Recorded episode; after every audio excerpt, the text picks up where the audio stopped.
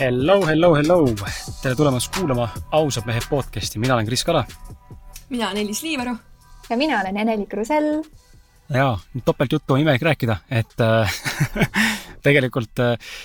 me oleme raisanud äh, oma kalli külalisajast pool tundi varsti juba selle saate alustamisega. minul on toimunud MacBookis mingisugused fenomenaalsed errorid, mis on äh,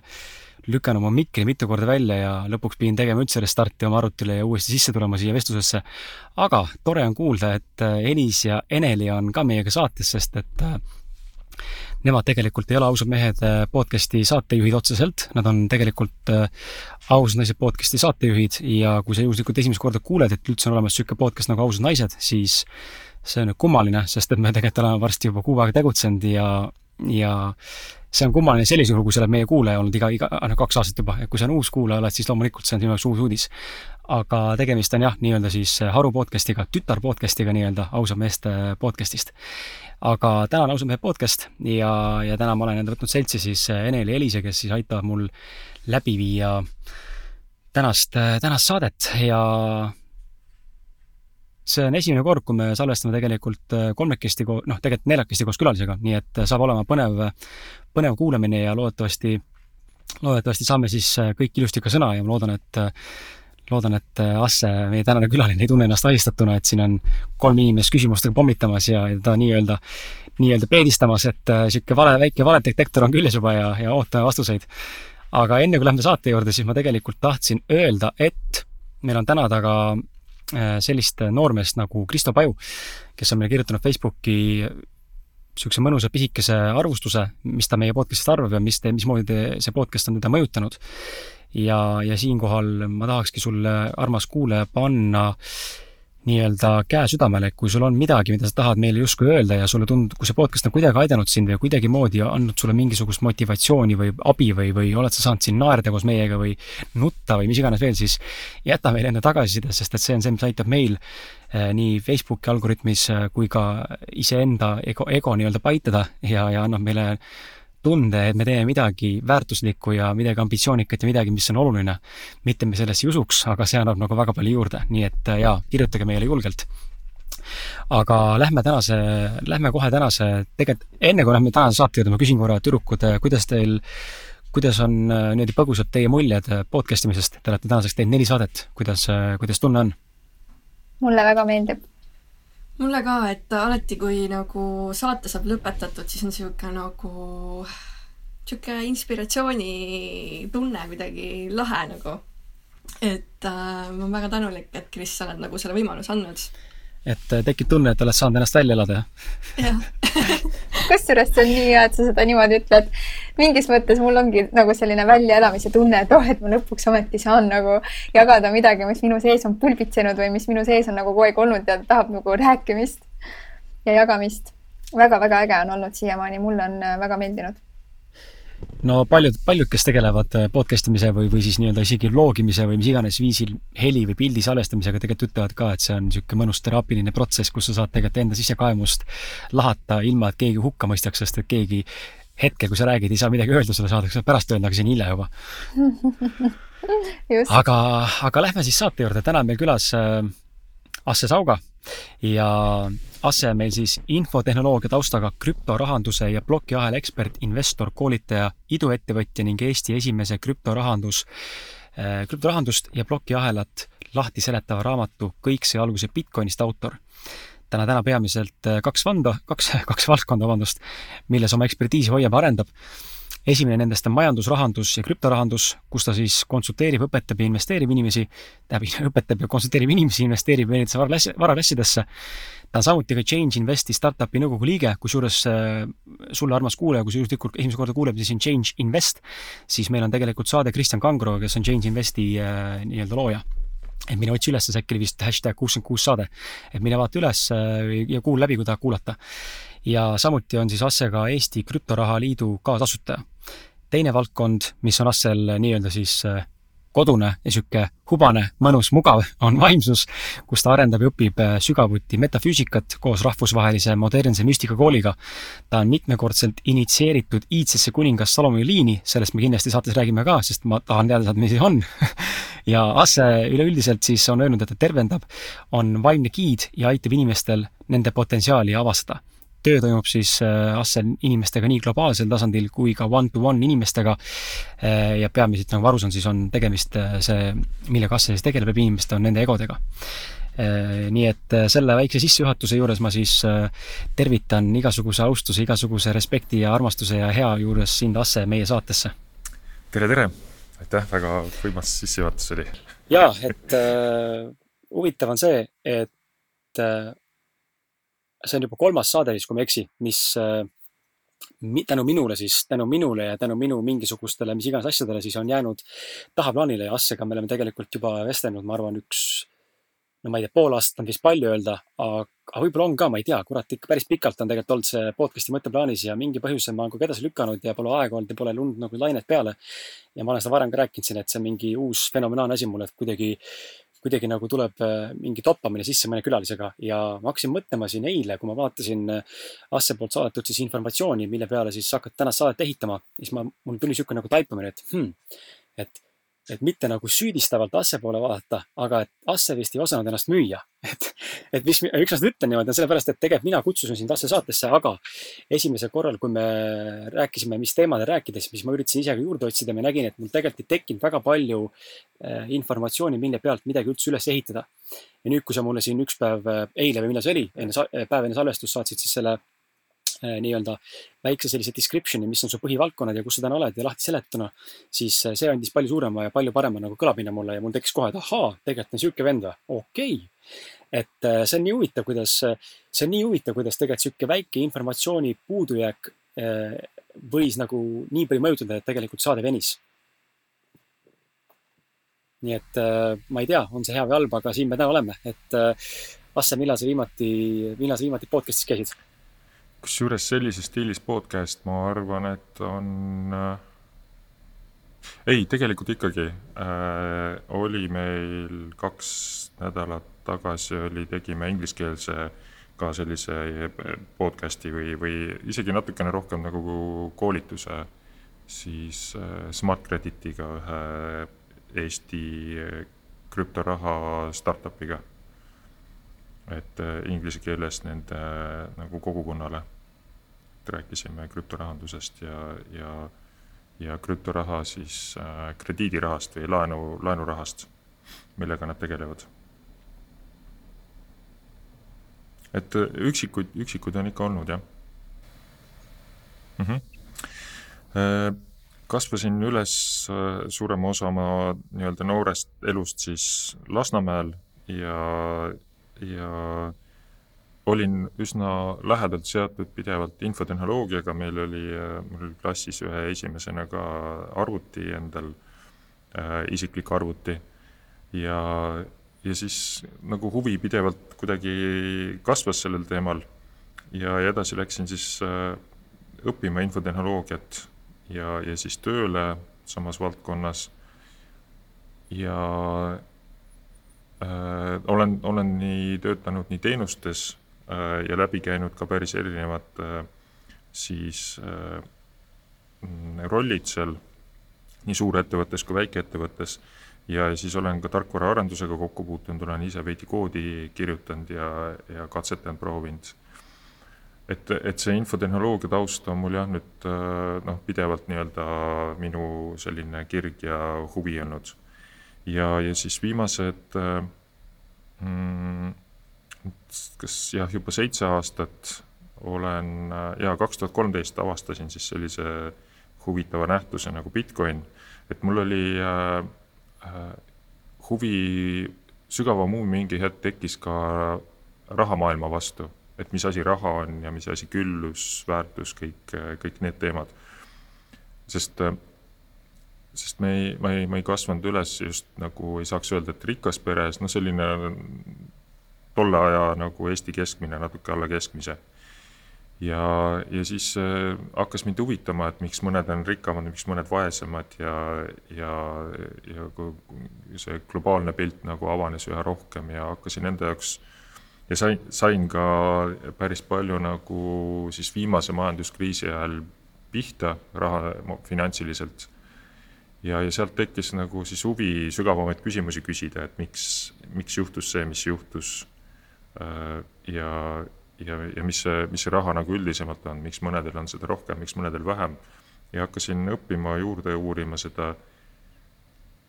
ja päris huvitav oli jah see, et, et mul oli üsna pikalt oli tegelikult selline trots ja, ja äh, nagu viha isegi raha vastu ja, ja kuna ma sain jah päris palju pihta selle eelmise kriisiga. Ja siis, aga mingi hetk ma saan ja ma, ja ma märkasin, kuidas ma võitlesin selle äh,, selle vastu. ehk siis nii-öelda rikkuse ja raha ja, ja külluse ja kõige selle vastu. ja, siis äh, mingi hetk ma sain aru, et tegelikult äh, võidelda ei ole nagu mõtet, et see ei ole alati nagu kaugele viinud et pigem on mõistlik otsa vaadata ja, ja mõelda, kuidas nagu alternatiivide peale, kuidas, kuidas uut lahendust nagu kõrvale luua. ja, ja siis tekkis jah taipamine, et, et, et kui, et millised vead on praegusel rahandussüsteemil sees ja ja, ja lugesin, uurisin nagu rohkem sellest ja käisin isegi äh, Rahandusministeeriumis töötasin, Maksu- ja Tolliametis töötasin, ehk et noh, täpselt nendest kohtadest, kust raha tuleb, on ju kust luuakse raha ja, ja, ja sain, sain rohkem aru, mismoodi need inimesed töötavad, mismoodi need struktuurid toimivad. ja, ja siis äh, mingi hetk äh,, mingi hetk kuidagi sattusin mingi foorumi postituste peale, kus ma äh,, kus ma avastasin siis sellise jah, huvitava nähtuse nagu Bitcoin ja, ja ma kohe isegi ei saanud aru sellest, sest noh, tegemist on ikkagi päris, äh, päris suure paradigma muutuse ja revolutsioonilise nähtusega, mida seni äh, inimkond ei ole näinud. ja, ja see, see võtab aega sellest nagu sügavuti aru saada. ja mul võttis ka ikkagi pool aastat kuni ma sain aru, et tegemist on nagu tõsise asjaga ja siis ma hakkasin seda uurima, lugema, otsima, õppima ise, sest äh, tol ajal nagu seda kuskil võimalik otseselt õppida ei olnud, Youtube'i videosid ei olnud midagi, ainult äh, nii-öelda teoreetilised materjalid ja foorumi postitused ja diskussioonid. ja siis võttis mul äh, mingisugune ikka kolm-neli kuud aega, et sellest nagu lõpuks sügavuti aru saada. nii põhjalikult aru saada, et tegemist on päris kindlasti tulevikuga. ja, ja sealt ma tegin otsuse, et, et, et see saab olema nagu minu valdkond siis selles professionaalses või, või ütleme siis nii-öelda maisemas äh, maailmas, on ju. aga teiselt poolt olen ma ka juba siin kümme-viisteist aastat äh, tegelenud siis vaimse maailma ja iseenda nii-öelda otsingutega ja, ja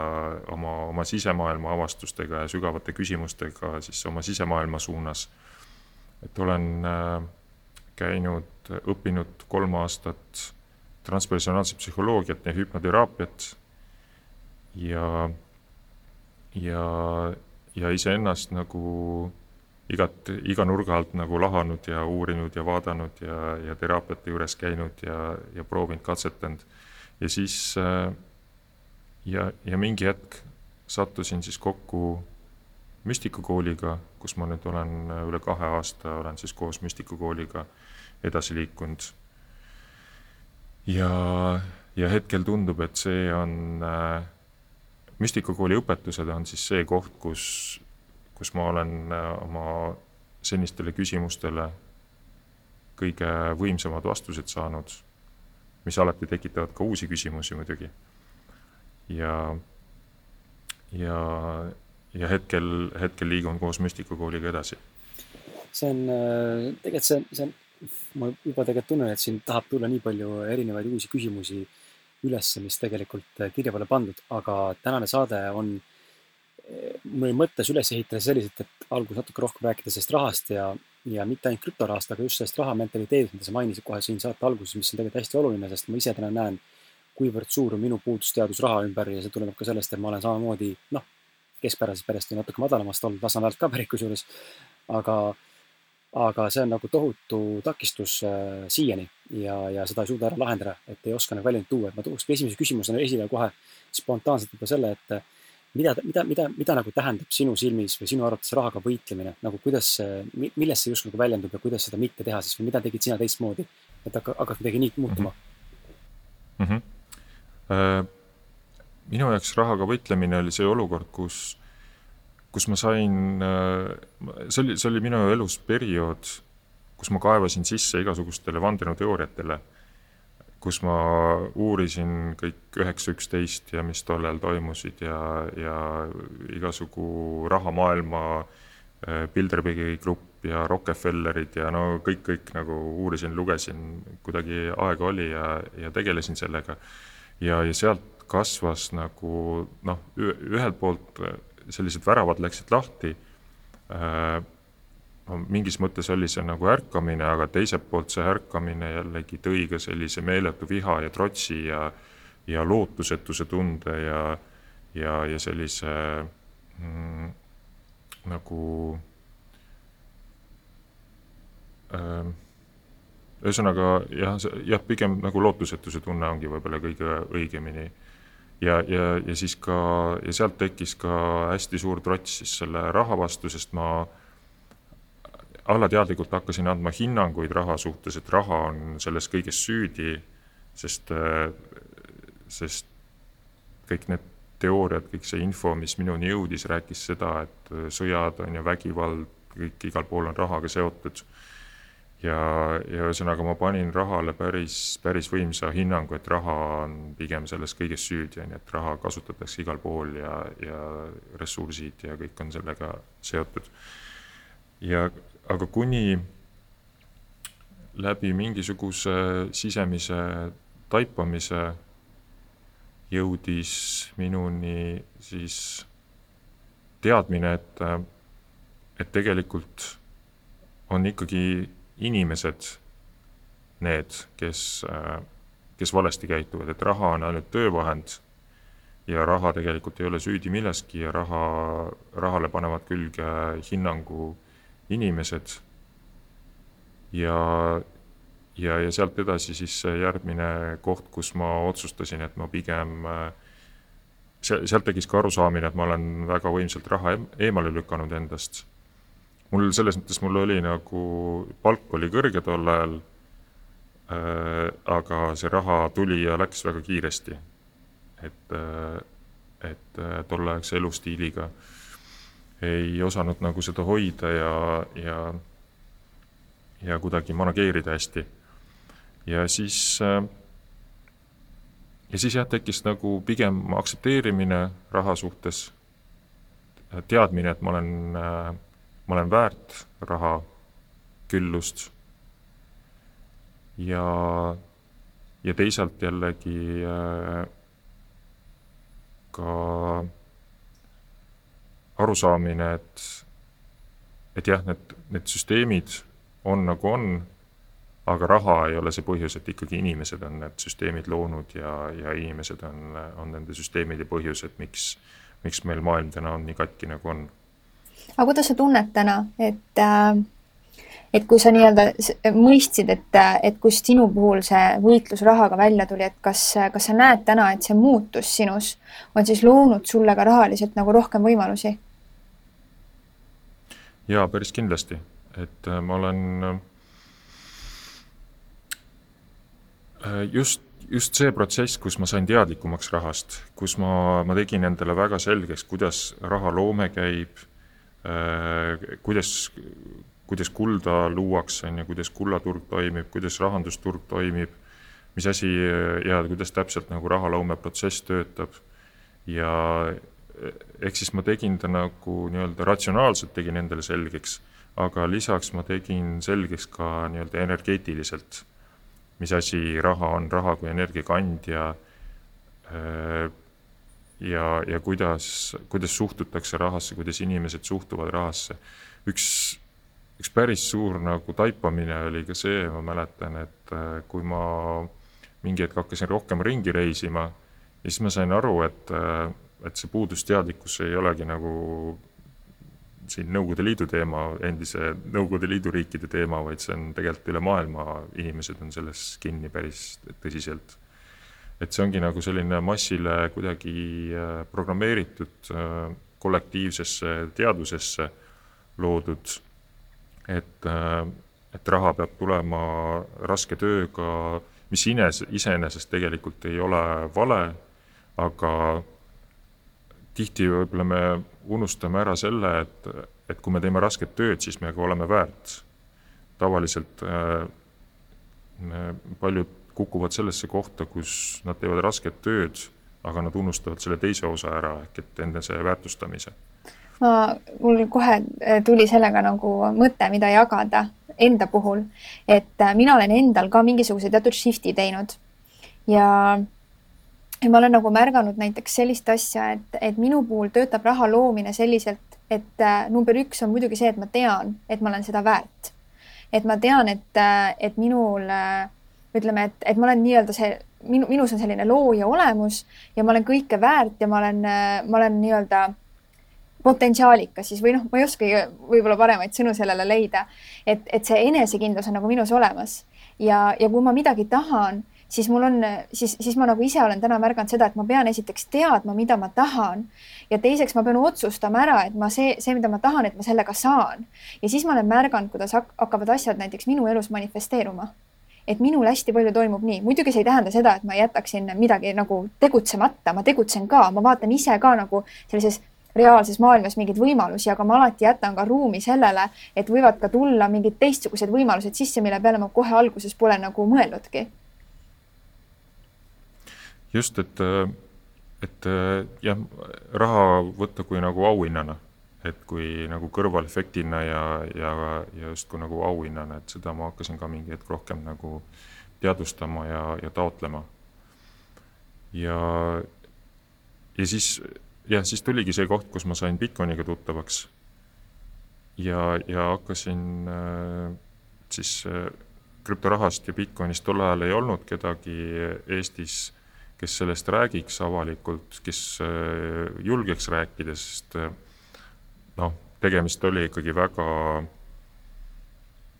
noh, siiamaani nõuab päris palju väljakutset, et, et äh, okei okay,, täna juba aktsepteeritakse rohkem, aga tol ajal ikkagi oli nagu see väga suuresti vastuvoolu ujumine. Et kui sa tuled rääkima millestki, millel on äh, võimalus kogu finantsmaailm pea peale pöörata ja, ja täiesti uutmoodi nagu rahasüsteem ja, ja kõik see, et noh, sealt tuli ikka väga palju sellist äh, jällegi noh, inimesed on väga lihtsad panema silte külge, nii et tuli, tuli hinnanguid ja, ja et püramiidskeem ja, ja, ja igasugu muud nagu skämmid on ju, mis, mis selle Bitcoini äh, siis äh, harimise teemaga kaasnesid. aga, aga jah, hakkasin blogi äh, pidama, artiklit kirjutama pressis, sellest rääkima ja nii-öelda avalikkust üha rohkem, rohkem harima. ja, ja see töö on, on kestnud tegelikult tänapäevani Äh, läinud professionaalsemaks, täna ma olen siis konsultant selles valdkonnas ja, ja koolitaja ja teen, teen koostööd läbi Krüptoraha Liidu äh, siis nii, äh, nii avaliku sektoriga, regulaatoriga kui ka erasektoriga. et ja, ja eesmärk on ja just nagu siis kasvatada teadlikkust, mis, mismoodi rahasüsteem täna toimib ja, ja kuidas ta saab olema tulevikus. sest seal on väga-väga suured sügavad muutused ees. seda, see on muidugi nagu kahju, et, et inimestel on see iga, noh, mitte iga, aga ütleme päris paljude uute asjade puhul, mis on sellised hästi transformatiivsed või nii-öelda pea, pea peale pöörava võimalikkuse või võimalusega, siis nende osas on alati, nagu sa ütlesid ka, igasugused mingid sillid, skämm, pettus ja, ja rahapesu ja mis iganes veel. Et tegelikult see on ju kahju ja see, see, see ei käi ainult krüptoraha kohta, vaid see tegelikult käib üleüldse igasuguse investeerimise või, või isegi noh, ma ei tea, mingite isegi toitumise kohta või mis iganes kohta, inimestel alati on mingisugused seisakud vastu kohe, kui midagi väga uut tuleb turule. just, ja see on, see on puhas äh, ego, kes meile seda loob, et äh, et küsimus on, kui palju seda ego kuulata ja kui palju egol lasta oma elu, elu dikteerida ma võib-olla küsiksid seda, et sa ütlesid, et, et sa olid kesk, keskpärasest perest pärit, et kes olid su eeskujud siis, kui sul ei olnud nagu vanemaid, on ju, kes, kes äh, oleksid kuskil nii-öelda kõrgemal kohal ja kes sul siis nagu praegu on äh, eeskujudeks? Jah, päris algusest peale vanemate oli eeskujuks mu onu kindlasti, kes, kes oli minu jaoks selline, selline natukene tüüpiline selline rikas, rikas onu, ta ei olnud küll välismaalt, on ju, aga ta käis tihti välismaal ja tõi igasugu ägedaid asju ja värki ja ja siis, et, et tema oli nagu selline äh, nii-öelda rikka ja targa ja ägeda ja laheda onu nagu äh, eeskuju või, või äh, roll nii-öelda temal ja mingi hetk äh, mul tekkisid eeskujud siis võib-olla jah, spirituaalses maailmas mõned äh, päris võimsad nagu sellised äh, hüpnotisöörid äh,. Noh, kui täna vaadata, siis täna ma jälgin väga, austan väga Elon Musk'i, see, mis ta teeb ja, ja teiselt poolt siis äh, teises selles äh, müstika poole peal on, äh, on müstikakooli juhid, on väga-väga võimsad inimesed, kõik kolm. ja, ja väga võimsad eeskujud. ja, ja ma ikkagi üha rohkem nagu liigun tegelikult sinnapoole, et, et iseennast eeskujuna nii-öelda jah, iseenda kõrgemat mina eeskujuna võtta. ma läheks kohe siit äh, sellise küsimusega edasi, et äh, kuna sa tegeled äh, nagu kahes tegelikult täiesti erinevas valdkonnas, mis kohati on väga äärmuslikud valdkonnad, et äh, ehk siis nii-öelda raha ja siis vaimsus on ju. ma arvan, et sinu käest on seda küsitud varem, aga ma küsin ikkagi et kuidas sa nagu paned kokku sellise business ja siis spirituaalse mindset'i ja just eelkõige, et kuidas sa näiteks switch'id ennast ühest teemast teise mm? -hmm. see on väga-väga hea küsimus ja mulle, mulle meeldib see küsimus, et ja tõesti, see on äh, kõigepealt äh, väga pealtnäha väga erinevad valdkonnad ja siis veel nagu nendes valdkondades ka üsnagi äärmused et krüptorahandus on finantsmaailmas väga selline võimas äärmus ja, ja teiselt poolt spirituaalses maailmas on äh, müstikukool ja, ja lineage äh, ikkagi maailma üks kõige täiuslikumaid spirituaalseid äh, suundi ja, ja nii-öelda koolkondi. ja aga noh, see nüüd oleneb, millisest äh, nii-öelda dimensioonist läheneda, et kui, kui vaadata nii-öelda hästi kõrge pilguga, siis, siis tegelikult äh, krüptorahandus on väga võimsalt matemaatika. et ta on, ta on noh, puhas matemaatika, krüptograafia, matemaatika, äh, juhid, matemaatika juhib seal erinevaid protsesse ja, ja et kõik taandub nagu matemaatikale. ja teistpidi on tegelikult, kui me, kui me läheme sügavuti, siis on ka metafüüsika on puhas matemaatika, et, et, et selles mõttes nad on, lihtsalt üks on natukene rohkem maisem ja teine on siis äh, ühesõnaga te, teine on veel see koht, kus me, kus, kus me ei, meil ei ole seda tõestust, aga meil on teadmine, et ta toimib ja, ja, ja miks meil seda tõestust ei ole, sellepärast, sest meie teadus, äh, mis põhineb, mis põhineb ainult äh, sellisel loogikal, et kui on võimalik situatsiooni täpselt samas keskkonnas korrata ja tulemus on täpselt sama, siis on tegemist nagu tõese asjaga. aga puhtalt sellepärast, et me ei, metafüüsikas me ei tea kõiki neid aspekte, mismoodi seal asjad toimivad ja meil ei ole lihtsalt piisavalt infot, siis, siis tead-, tõenduspõhine teadus sellisel kujul lihtsalt täna ei saagi toimida, et tõenduspõhisel teadusel lihtsalt piisav, ei ole piisavalt äh, palju infot, piisavalt palju äh, mõõtevahendeid, millega seda infot seal mõõta, aga see ei tähenda seda, et seda infot seal ei oleks. et lõpuks on jah, kõik ikkagi matemaatika ja, ja ja ka sümbolid, pühageomeetria, et see on ka universaalne keel universumis ja, ja nüüd äh, veel teine vaatenurk, kuidas need kaks asja omavahel väga hästi sobivad ja täiendavad üksteist, on see, et, äh, et äh, mida, mida plokiahela tehnoloogia teeb. Bitcoini leiutis ehk mis Bitcoini taga on, on plokiahela tehnoloogia, mis, mille peal siis see Bitcoini raha jookseb ja, ja kõik muud krüptorahad ja erinevad süsteemid. Plokiahela tehnoloogia lõi meile esimest korda jällegi inimkonna ajaloos võimaluse eh, disainida hajussüsteeme selliselt, et võtta välja sealt keskpunkt ja, ja, ja luua võimalus siis hajussüsteeme ehitada turvaliselt ja usaldusväärselt, selliselt, et keskpunkte ei ole vaja ja miks see oluline on, on see, et keskpunkt on alati see koht, kus kus tekib korruptsioon ja kust tulevad ründed nii seestpoolt kui väljaspoolt. ja ehk siis ja, ja miks korruptsioon ja ründed tekivad, on äh, peamine, ainus põhjus on inimese enda ego.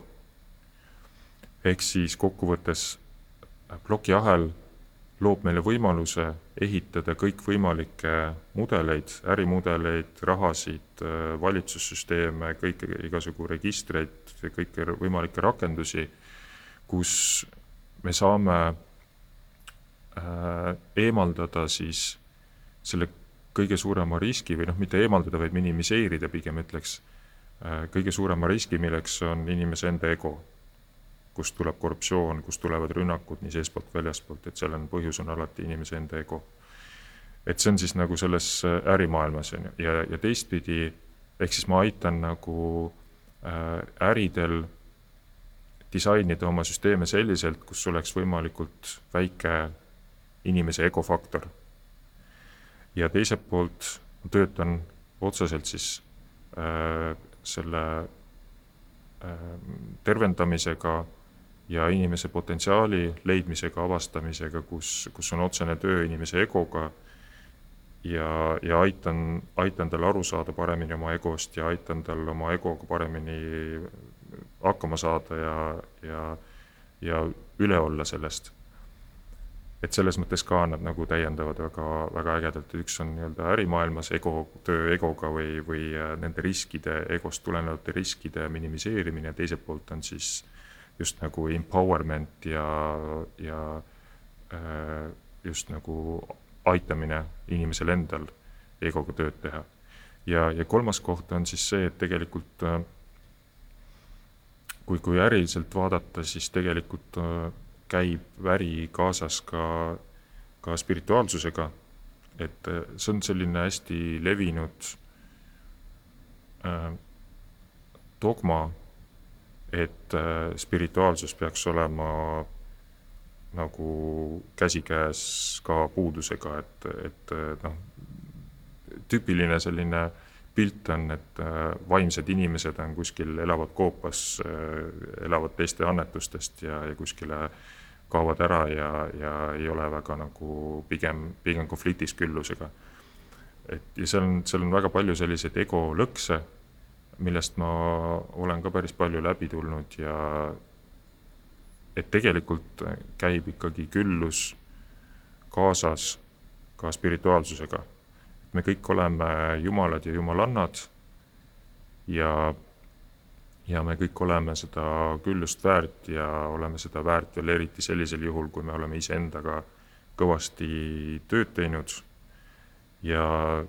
ja kui, kui energiavahetust vaadata, kui raha vaadata kui energiakandjat, siis kui me loome midagi, ükskõik kas siis hästi maiselt nii-öelda ärimaailmas või loome maisel, maises maailmas, vabandust, vaimses maailmas, siis on hästi loomulik, et sellega käib kaasas ka energiavahetus. ja see on see põhjus, miks, miks alati teraapiate eest tasub raha küsida, peab küsima isegi, sest raha on endiselt kõige universaalsem viis, kuidas energiat vahetada. see on see viis, tema raha, raha kui maksevahend, see on äh, energiavahetusviis, kuidas, millest me saame kõik ühtemoodi aru, mida me väärtustame kõik ühtemoodi ja, ja, ja sellepärast on ta äh, võimsalt kasutuses ka kõikvõimalikes müstikukooli äh, teraapiates ja, ja koolitustes ja, ja, ja pigem jah, me just nagu propageerime seda, et, et äh, spirituaalsusega käib küllus käsikäes. Kusjuures äh, ma lasen varsti teistel ka küsida aga mind huvitab, huvitaks just selline, äh, see kõik see, millest sa rääkisid, siin on kindlasti väga palju küsimusi veel nagu otsa võtta, mida veel küsida, aga aga mind just huvitab see pool, et, et kui ma ennem seda küsimust esitasin, et just selline igapäevane elu, et et ütleme niimoodi, et ütleme, et pool päeva oled sa tegelenud äh, sellise krüptoteemaga, mis nõuab võib-olla sellist hästi niisugust mõtlemist, on ju. ja siis õhtul tuleb switch ja nüüd on vaja hakata mediteerima et nagu, kuidas see üleminek sinu jaoks nagu on, et kas see on sinu jaoks nagu kerge või see valmistab sinu jaoks ka väljakutset? see on, tegelikult on see kerge ja, ja ma räägin, miks. tegelikult ma mäletan juba, kui ma LHV pangas töötasin, siis oli, mind ennast nagu ajas päris naerma, et oli seal äh, LHV seal juhtkonnaga või, või äh, tootejuhtidega või kellegagi oli niisugune tõsine rahandusega seotud miiting on ju, kõik lipsud ees ja, ja siis ja siis äh, tund aega hiljem äh, tegin ühele kliendile hüpnoteraapiat. et, äh, et päris niisugune huvitav kontrast, aga, aga, aga toimis. aga kõik oleneb sellest, kui kiiresti sa suudad ruumi luua, kui kiiresti suudad oma, oma siis äh, seisundit muuta, lülitada ennast ühest teise ja selleks on, on meil müstikakoolis ka väga võimsad töövahendid mulle meeldib mõelda, et maailma parimad, võib-olla nad ongi maailma parimad, sest äh, nad on, neil on väga, väga tugev äh, ajalugu taga, väga pikk ajalugu taga. ja, ja neid on, neid ma kasutan hästi palju, erinevad ruumi loomise praktikad, energia puhastamise praktikad ja, ja, ja ja kui seda nagu teha tihti, siis lõpuks tuleb see niimoodi märkamatult. et, et puhas nagu harjutamise küsimus mulle tundub, et sa kohati oled ise ka oma olemuselt hästi meditatiivne et kui sinuga rääkidagi, praegu sa oled ülirahulik, vaata. mina olen niisugune energiapomm, hüppan vahest ühest kohast teise, et, et kui sinuga suheldes, siis ma praegu tajun seda, et sa ise ka teedki nagu justkui, et see tundub sinu jaoks võib-olla natuke loomulikum ka et, et just juba sellepärast, et sa oma olemuselt oledki selline rahulik flow, et nagu see switch on nagu justkui nii loomulik, et võib-olla ei panegi tähele. jah, arut-, jah, ilmselt, ilmselt küll jah, et mul tuleb see kuidagi, kuidagi loomulikult juba jah. Sest minul endal on näiteks ütleme, kui sellest samast switch'ist rääkida, siis minu jaoks on see keerulisem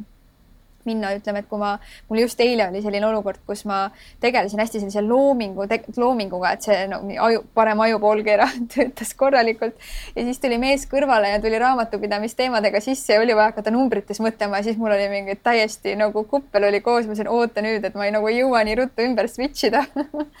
ja mul, mul on selliseid keerulisemaid hetki on ka ikkagi olnud, kui on olnud just väga võimas äh,, energeetiliselt väga võimas nagu koolitusklass ja siis kohe peale seda on vaja raamatupidamist teha, et et siis ikkagi võtab veidi rohkem aega, aga need on, need on ka üsna sellised äärmuslikud olukorrad, et mis, kus, kus on arusaadav, jah. ma võtan sellest, võtan sellest egost korra kinni ma ei mäleta, kellega ma siin saates sellest rääkisin, aga, aga ma küsin sinu arvamust, et äh, esiteks, mis asi on ego, on niisugune tüüpklassika küsimus, aga siiski, mis asi on ego. ja teine asi, mis mind huvitab, on see, et meile, mul on jäänud mulje, et meile tegelikult väga palju vaimsetest praktikatest äh, mingil määral lausa kästakse egost vabaneda. Äh, ma täna ise enam selles nagu nii veendunud ei ole, et see on asi, asi, nagu vajalik asi, võib-olla ma eksin, aga, aga mulle tundub, et egost ei ole vaja lahti saada, vaid sellega tuleb õppida koos koos elama võib-olla ja nagu paremini mm, suhestuma, sest ma olen näinud, et tänu tänu minu egole äh, olen ma elus äh, saavutanud ikkagi päris märkimisväärseid asju ka, et ta ei ole ainult halb minu jaoks. milline sinu nagu see arusaam, kas ta on siis hea, halb või, või on meil teda vaja saata kus kurat või on pigem endasse emmata või armastada, peksta või mis sellega teha on?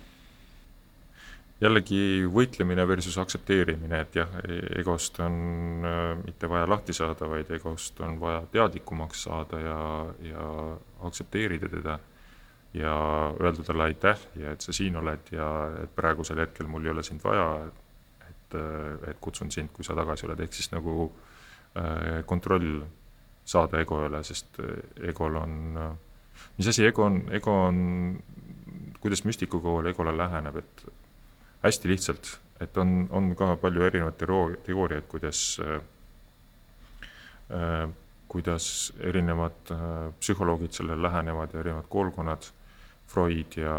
ja, ja muud, et äh,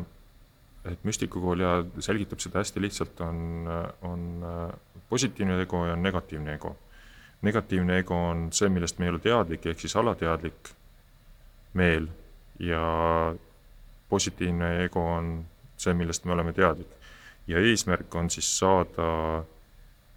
äh,,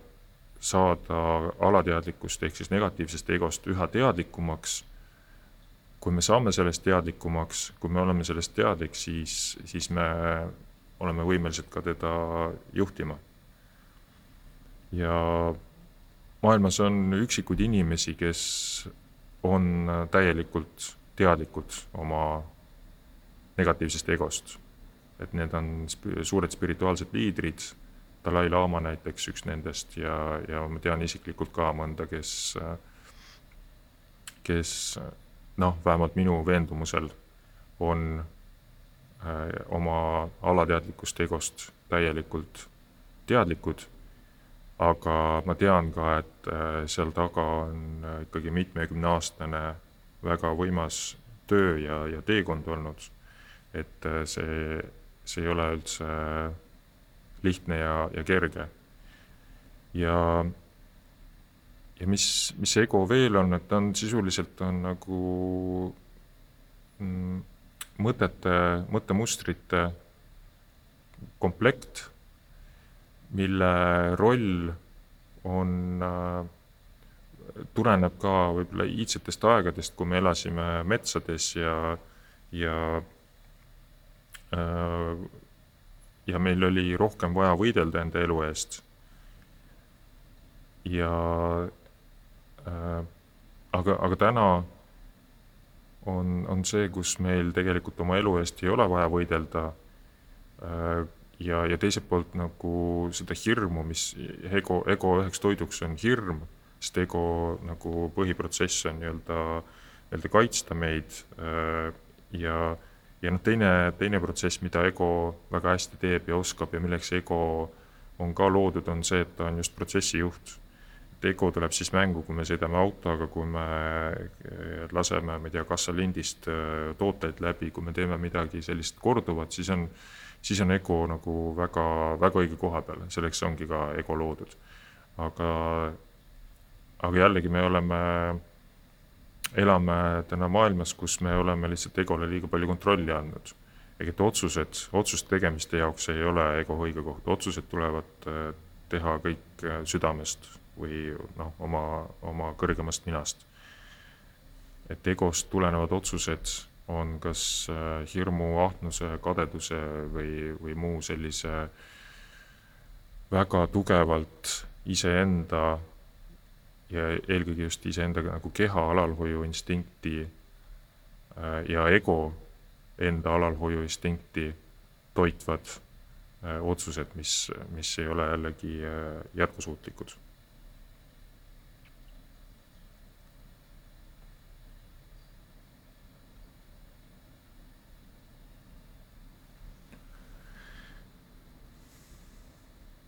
No ma väga soovitan müstikakooliga tutvust teha. müstikakoolil ja, ja kuningas Salomoni lineage'il on tegelikult terve võimas raamatukogu, soovitatud nagu raamatute nimekiri, mis on kirjutatud läbi aegade eh, Hermeticsist alates üle seitsme tuhande aasta taguse ajaloost. Ja, ja need on, enamus siis on initsieeritute poolt kirjutatud ja seal on nagu tõsiselt palju väga võimast äh, lugemist, et, et see nimekiri, seda soovitan hästi ja aga eelkõige soovitan, soovitan kooliga tutvust teha, koolikursustega ja et sealt, sealt saab nagu, sest, sest üks asi on teooria me võime neid raamatuid lugeda, ma olen, ma olen päris palju näinud ka inimesi, kes on nagu meeletult suure lugemusega ja, ja teoreetiliste teadmistega, aga samas oma sisemaailmalt ei ole ikka võib-olla noh, märgatavalt, märgatavasse kaugusesse või, või tasemele jõudnud. et raamatud on väga tihti võivad sattuda ka selliseks nagu heaks põgenemisteeks, et äh, elada nii-öelda raamatutes, aga aga lõpuks, mis kõige olulisem on, on ikkagi kogemused ja praktika. et, äh, et, äh, et see müstikukooliga meil on ka pigem nagu see suund, et kõigepealt kogeme ja siis alles tekib arusaamine. ja, ja täna me elame just tegevuste maailmas, just, just maailmas, kus me oleme sündinud siia selleks, et just kogeda läbi kogemuse, õppida, kasvada ja areneda, et teooria ja teadmised, need tegelikult on nii või teisiti olemas, neid, nendele saab alati noh, teatud praktikatega saab ligi, saab lugeda raamatuid meeletu, noh, taskus on meil kogu internet olemas, et infot ja, ja teadmisi on meil ei ole enne olnud nii lihtsalt ligipääsu ajaloos, kui meil on täna teadmistele. aga kõige olulisem on ikkagi see esimene samm eh, kogemuse poole ja ise, ise läbi teha, ise kogeda. see on huvitav, ma ei tea, kas te tüdrukud praegu nõustute minuga, aga ma võin siin eksida ja ma loodan, et see asja ei solvu ega, ega, ega ei tunne ennast puudutatuna, aga kui ma sind vaatan ja sind kuulan, siis sinust kiirgub eh, materiaalset külluslikkust ma ei tea, mis su rahaline seis täna on ja sa ei pea seda siin saates mainima, aga, aga mis nagu paneb mõtlema, on see, et huvitav, ma tunnen, et sinust kiirgub äh, just nimelt seda materiaalsest ja nii-öelda nagu äh, finantsvabadust või mis iganes see termin on. Äh, ja, ja kuna sa ise mainisid ka, et sa tegelikult oma rahamustritega oled oma elus nüüd tegelenud ja täna ka mingisugused lahendused ja mingisugused uued hüpoteesid, millele tuginedes neid siis nagu pidama jääda oled leidnud, siis minu küsimus on sulle selline, et mida sa oskad nagu soovitada võib-olla mõnele, noh, isegi mitte noorele, mida sa oskad soovitada inimestele nii spirituaalses mõttes kui ka siis praktilises äh, mõttes, et kas siis säästa või olla nagu kasinalt elada mõnda aega või mis sa oskad nagu soovitada, et inimene jõuaks parema äh, rahalise nii-öelda siis äh, ma ei teagi, taseme või, või käsitluse juurde mm? -hmm. Äh enda jaoks võib-olla kõigepealt lahti mõtestada, mis see raha sinu jaoks on ja, ja märgata neid äh, mõttemustreid, kuidas sa reageerid rahale. väikestes, väikestes momentides, väikestes hetkedes, kui sa maksad millegi eest, mis, mis mõte, mis alateadlik nagu äh, mõte sul läbi võib käia, kui sa annad, kas sulle meeldib pigem raha ära anda või kas sa oled äh, kokkuhoidlik, kas sulle ei meeldi, et, et ei meeldi just raha ära anda ja et, et ja millise emotsiooniga, millise energiaga sa sõnasse raha suhtud. emotsiooniga kaasneb, kaasneb alati energia, et, et mis, mis emotsioon sul, sul rahaga nagu kinnistub. ja säästa ma pigem ei soovita täna, noh, oleneb muidugi, mida kellegi jaoks säästmine tähendab, et mina äh, säästan krüptorahasse mis teistpidi on jällegi noh, kui võrrelda seda magandusrahaga, siis, siis on see investeerimine. ja, ja pigem ma soovitan ja ikkagi kasvatada oma teadlikkust, õppida öö, äh, oma äh, õppida tundma finantse ja rahandust ja sest see on see on valdkond, mis, mis on meie elust läbi põiminud nagu igapäevasest tegevustest niivõrd, niivõrd sügavuti. ja aga ometigi seda ei ole koolis väga palju, väga sügavuti õpetatud ja, ja, ja me ei nagu, keskmine inimene ei tea sellest väga palju. ja, ja täna on selline hästi unikaalne ajastu, kus kogu rahandussüsteem on liikumas uude ajajärku just tänu Bitcoinile. Mis teist, teistpidi tähendab seda, et meil on, äh, saabub äh, nii-öelda rahanduse ajajärk, kus meil saab olema väga palju rohkem vabadust, sest äh, krüptorahad on sellised rahad, kus, mida keegi ei kontrolli ja, ja seal on, seal on väga palju rohkem vabadust, aga vabadusega kaasneb alati ka vastutus, mis tähendab seda, et me peame täpselt teadma, mida me teeme ja me peame võtma selle vastutuse oma finantside eest vastutada ja juhtida neid ja, ja manageerida. et äh, see on kindlasti, ma ütleks, et täna inimesele, kes soovib äh, külluslikuma elu poole liikuda, siis on see äh, õppimise koht kindlasti äh, võib-olla isegi kohustuslik ja, ja võtta just see kohustus ol-, vastutada omaenda, võtta vastutus omaenda külluse eest ja omaenda finantside eest. et täna on see võimalus meil kõigil olemas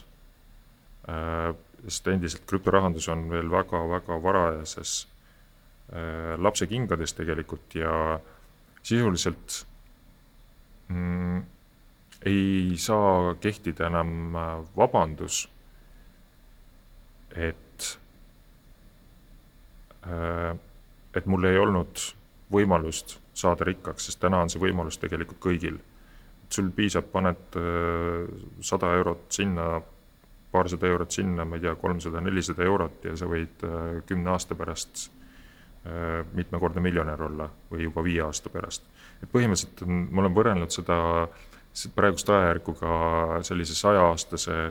või paarisaja aastase äh, kulla kaevanduse otsimise ajajärguga, et sisuliselt igal ühel on väga lihtne täna võimalus kullakaevandus leida. lihtsalt küsimus on äh, otsimises, kas sa astud need sammud, kas sa otsid, kas sa oled avatud Äh, siis selle kullaaugule ja, ja kas sa oled valmis natukene selle nimel tööd tegema. ja, ja valmis ka just vastutust võtma, sest rikkaks saamine võib olla ka natukene hirmutav, sest suure rahaga kaasneb ka suur võim, millega peab kaasnema ka suur vastutus. Ja see, see võib olla omakorda nagu hirmutav, et, et see on ka see küsimus, mis mille ma soovitan endast läbi lasta ja millega, millega tegeleda. aga mis sa soovitad, ütleme, et inimesele, kes väga krüptomaailmast täna veel midagi ei tea, et aga, aga ta on mõelnud investeerimise peale ja, ja ta tahaks nagu kuskilt otsast alustada, et nagu mis on see, kuhu minna või kust alustada või mis, mis, mis materjali nii-öelda vaadata? Jah, igasugu sellist äh, valeinformatsiooni on väga palju netis, et, et selles mõttes ja tasub nagu vaadata kriitilise pilguga. Mm, no mis mu üks selline väiksemaid missioone on ikkagi endiselt seesama, mis ma Krüptoraha Liiduga kunagi alustasin, et teadlikkust tõsta. ja ma just olen ette valmistamas äh, sellist äh, nelja-viietunnist videokoolitust, krüptoraha alused ja, ja lisaks ka investeerimise kohta baasinfo, et just anda selline lihtne, arusaadav kickstart inimestele. et äh, rääkida, mis asi krüptorahandus on, kust ta tuleb, kuidas temaga toimetada, kuidas, kuidas esimesed tehingud teha. et, äh, et sellise asja ma panen äh, nüüd, ma arvan, et järgmise nädala jooksul kokku ja ma arvan, et see on nagu väga hea hüppelaud kindlasti, et sealt edasi siis inimene saab ise oskada, oskab, oskab selgemini, paremini võib-olla orienteeruda selles maailmas ja ja, ja kindlasti noh, enda, enda raamatut soovitan, eestikeelset ja sellega on ka see, et kuna tegemist on nagu ikkagi üsna keerulise valdkonnaga, kõigepealt on ta tehniliselt keeruline, lisaks on ta kontseptuaalselt üsna keeruline, täiesti uus viis, kuidas väärtust liigutada ja kogu see detsentraliseeritus ja, ja, ja kõik need võimalused seal taga ja ja sellepärast on hästi oluline ka, et äh, kohalikus keeles oleks see info olemas, sest äh, keelebarjäär on noh, kellel emakeelega, kellel inglise keele emakeel ei ole, siis keelebarjäär on äh, olenevalt tasemest alati olemas ja sealt võib lisaks nagu tekkida uusi nagu valearusaamatusi. et selles mõttes on jah hästi oluline, et oleks äh, kohalikus keeles ja, ja seda, seda missiooni, sedasama missiooni täidavad väga paljud inimesed üle maailma, siis just äh, luua ka kohalikus keeles inforuumi et inglise keeles on infot piisavalt ja, ja Youtube'i videosid ja, ja koolitusi ja ja julgen soovitada ka Nicosia ülikooli, Nicosia ülikool, kus ma ise alustasin ka kunagi kuus aastat tagasi. see on siis äh, äh, Küprose äh, pealinna ülikool, ta teeb äh, tasuta online kursuseid, mis on aastas korra toimuvad, sellised kuuekuulised online kursused, et et seda ma hästi soovitan, seal on sisuliselt kaks äh, maailma tipp äh, krüptoraha evangelisti, kes seal räägivad ja, ja see on väga hästi üles ehitatud, et seda, seda julgen kindlasti soovitada. kas sa oskad tuua võib-olla mõned sellised märksõnad või mõtted selle kohta, et et, et kui sa ennem mainisid, et see krüptorahastus äh, ja krüptomaailm on tulevik et siis äh, mis on nagu selle eelis võrreldes siis tänapäeva rahandusega, et ma saan aru, et üks asi on nii-öelda see, et ta ei ole nii, nii-öelda kontrollitud enam ega kellegi poolt nii-öelda justkui omatud, nagu täna võib-olla see olemasolev rahasüsteem on, aga mis eelised seal nii-öelda veel on? Äh,? eelised või neid on, neid on palju, on äh, avatus, täielik avatus, läbipaistvus. Ehk et äh, igaüks saab sisse vaadata, kuidas see toimib, igaüks saab valideerida ülekandeid kood on kõigile avatud, siis see, et ta on loata, ehk siis kõik saavad, piisab ainult netiühendusest ja, ja arvutist või telefonist, kõik saavad süsteemi kasutada, et äh, nii-öelda standardne süsteem ei vaja ka isikutuvastust, ta on äh, odav äh,, ehk siis teenustasud on väga odavad, teda on väga odav liigutada ühest maailma otsast teise. Äh, ta on censorship resistance ehk siis, äh, mis see teistpidi tähendab või eesti keeles tähendab, on see, et äh, tsensuurivaba, kellelgi ei ole voli öelda, milliseid ülekandeid sa sealt läbi lased ja kellele mille eest maksad, siis ta on, põhineb nii-öelda oluliselt tervematel, jätkusuutlikumatel alusväärtustel nagu koostöö avatus, usaldusväärsus, läbipaistvus. ta, ta tuleb nii-öelda alt üles kogukonna poolt, mitte, mitte ülevalt alla mingisuguse ettevõtte või valitsuse poolt. ta on äh, sisuliselt täna päästerõngas üle poolele maailma inimestest, kellel äh, puudub igasugune ligipääs pangandustel, panganduse teenustele. ja, ja ta on disainitud just internetiajastu jaoks, just digitaalseks äh, liigutamiseks. ja üks väga oluline koht on ka see, et tema väärtusloome ehk siis see emiteerimisloogika või, või see, kuidas uut, kuidas uut rahasüsteemi luuakse see on äh, see metoodika, mida seal kasutatakse, teeb temast täiesti unikaalse varaklassi, mida, mida ka inimkond ei ole siiani näinud. ehk siis väärtuse loome on äh, matemaatiliste valemitega matemaatilises keeles fikseeritud selliselt, et ta on, äh, ta ei ole muudetav, ta on nii-öelda kivisse raiutud. ehk siis see, kuidas uut vara turule juurde tuleb kui süsteemi juurde tuleb,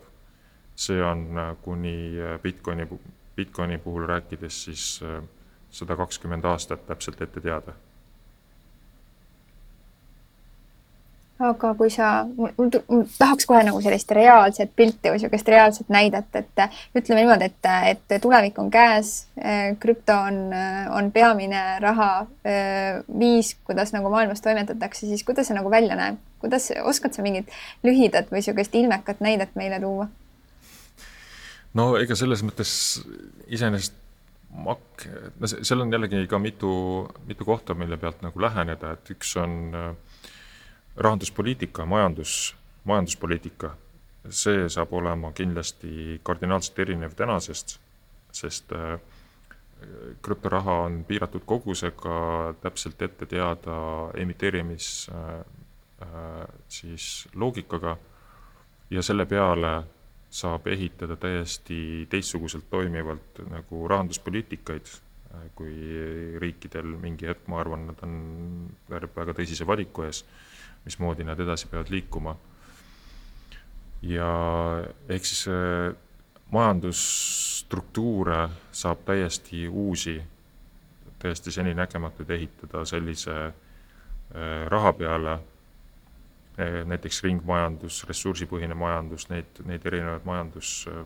toimimise mehhanisme on erinevaid, kuhu krüptoraha kui piiratud raha hulk, raha, raha hulgaga nii-öelda Äh, käibevahend äh, siis sobib. aga noh, kui vaadata makse tegemist, siis makse mm, makse täna juba töötab tegelikult krüptorahast selliselt, et äh, valuutavahetus on maksesse sisse ehitatud, ehk siis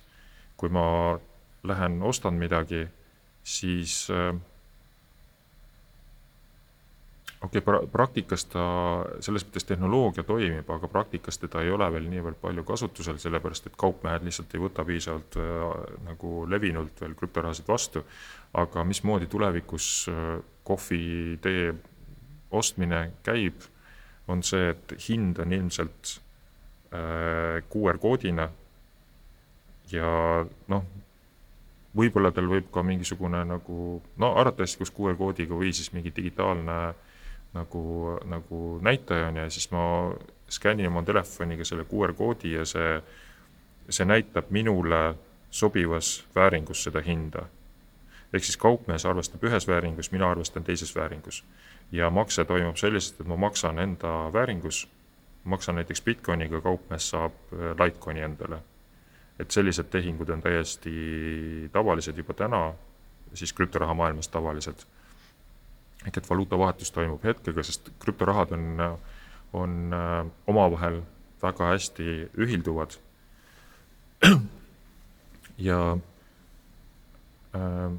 ja loomulikult üksteisele raha saatmine ka hetkega ja samamoodi ei olene, ei oma vahet, on ju, kes millist raha kasutab, vaid oluline on see väärtus, et see liigub ja, ja väärtust arvutatakse siis, arvestatakse siis endale sõbralikul viisil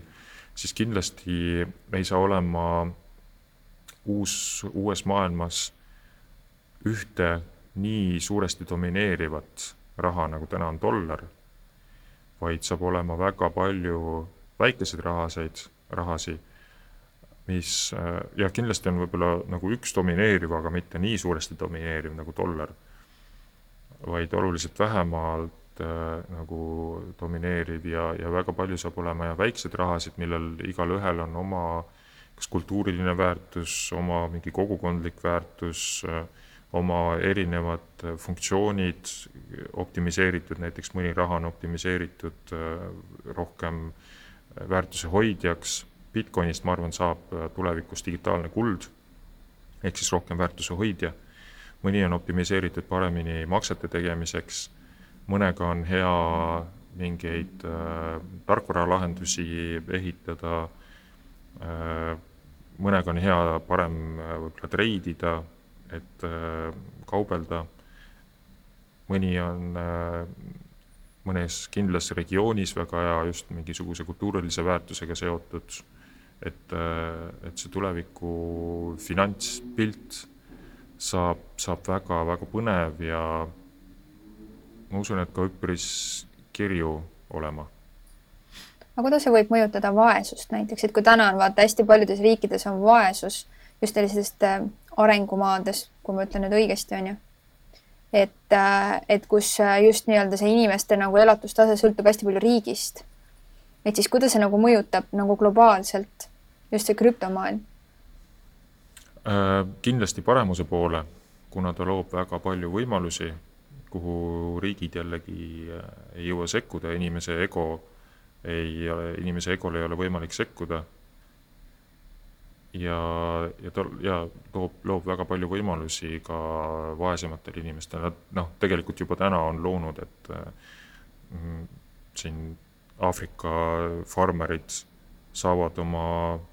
äriga alustada ja oma äriga edasi liikuda, kuigi neil ei ole seal pangandust. et internetiäri on täiesti tehtav kuskil, kuskil ma ei tea, Aasia arengumaa kuskil äh, farmeril või, või äh, kus kõrbes või kus, kus see netiühendus on endiselt olemas, telefonid on olemas ja, ja noh, sisuliselt saad oma veebipoe üles panna ja oma kaupasid müüa seal. võib-olla küsiks veel äh, selle ego kohta natukene.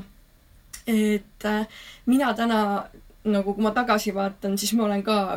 ilmselt päris paljusid otsuseid teinud nagu ego pinnalt ja seetõttu, et äh, raha pärast, et see ongi siis, äh, kui ma nagu otsustan teha raha pärast nagu otsuseid, siis see on nagu ego pinnalt või kuidas siis nagu ära tunda seda, et kas otsus on tulnud ikkagi südamest või ego põhiselt äh,? hea, hea küsimus mm,. ma ise kasutan liigun, liigun sinnapoole, kus ma, ma olen, ma olen ise ka väga sügavas arengu ja õppimise protsessis ja, ja jah, see on selline elukest-, elukestev protsess igal juhul. et aga ma ise kasutan päris palju oma kõrgema minaga nagu äh, ühendust võttes, teen otsuseid. olen kasutanud ka sellist hästi lihtsat metoodikat, et äh, kui sa kujutad ette korraks Äh, situatsiooni, kui sa oled selle otsuse teinud, siis kuidas su keha ennast tunneb selles? et kas see on pigem äh, selline vau wow ja inspireeriv ja, ja selline tiivad laiali äh,, sihuke võimas vaba tunne või on see pigem äh, selline alla surutud ja Äh, negatiivne ja niisugune halb ja, ja selline tahaks nagu kükitada. et, et see on väga, väga hea nagu majakas, mida, mida ma olen päris palju kasutanud. ja siis on äh, ühte soovitust või, või sellist äh,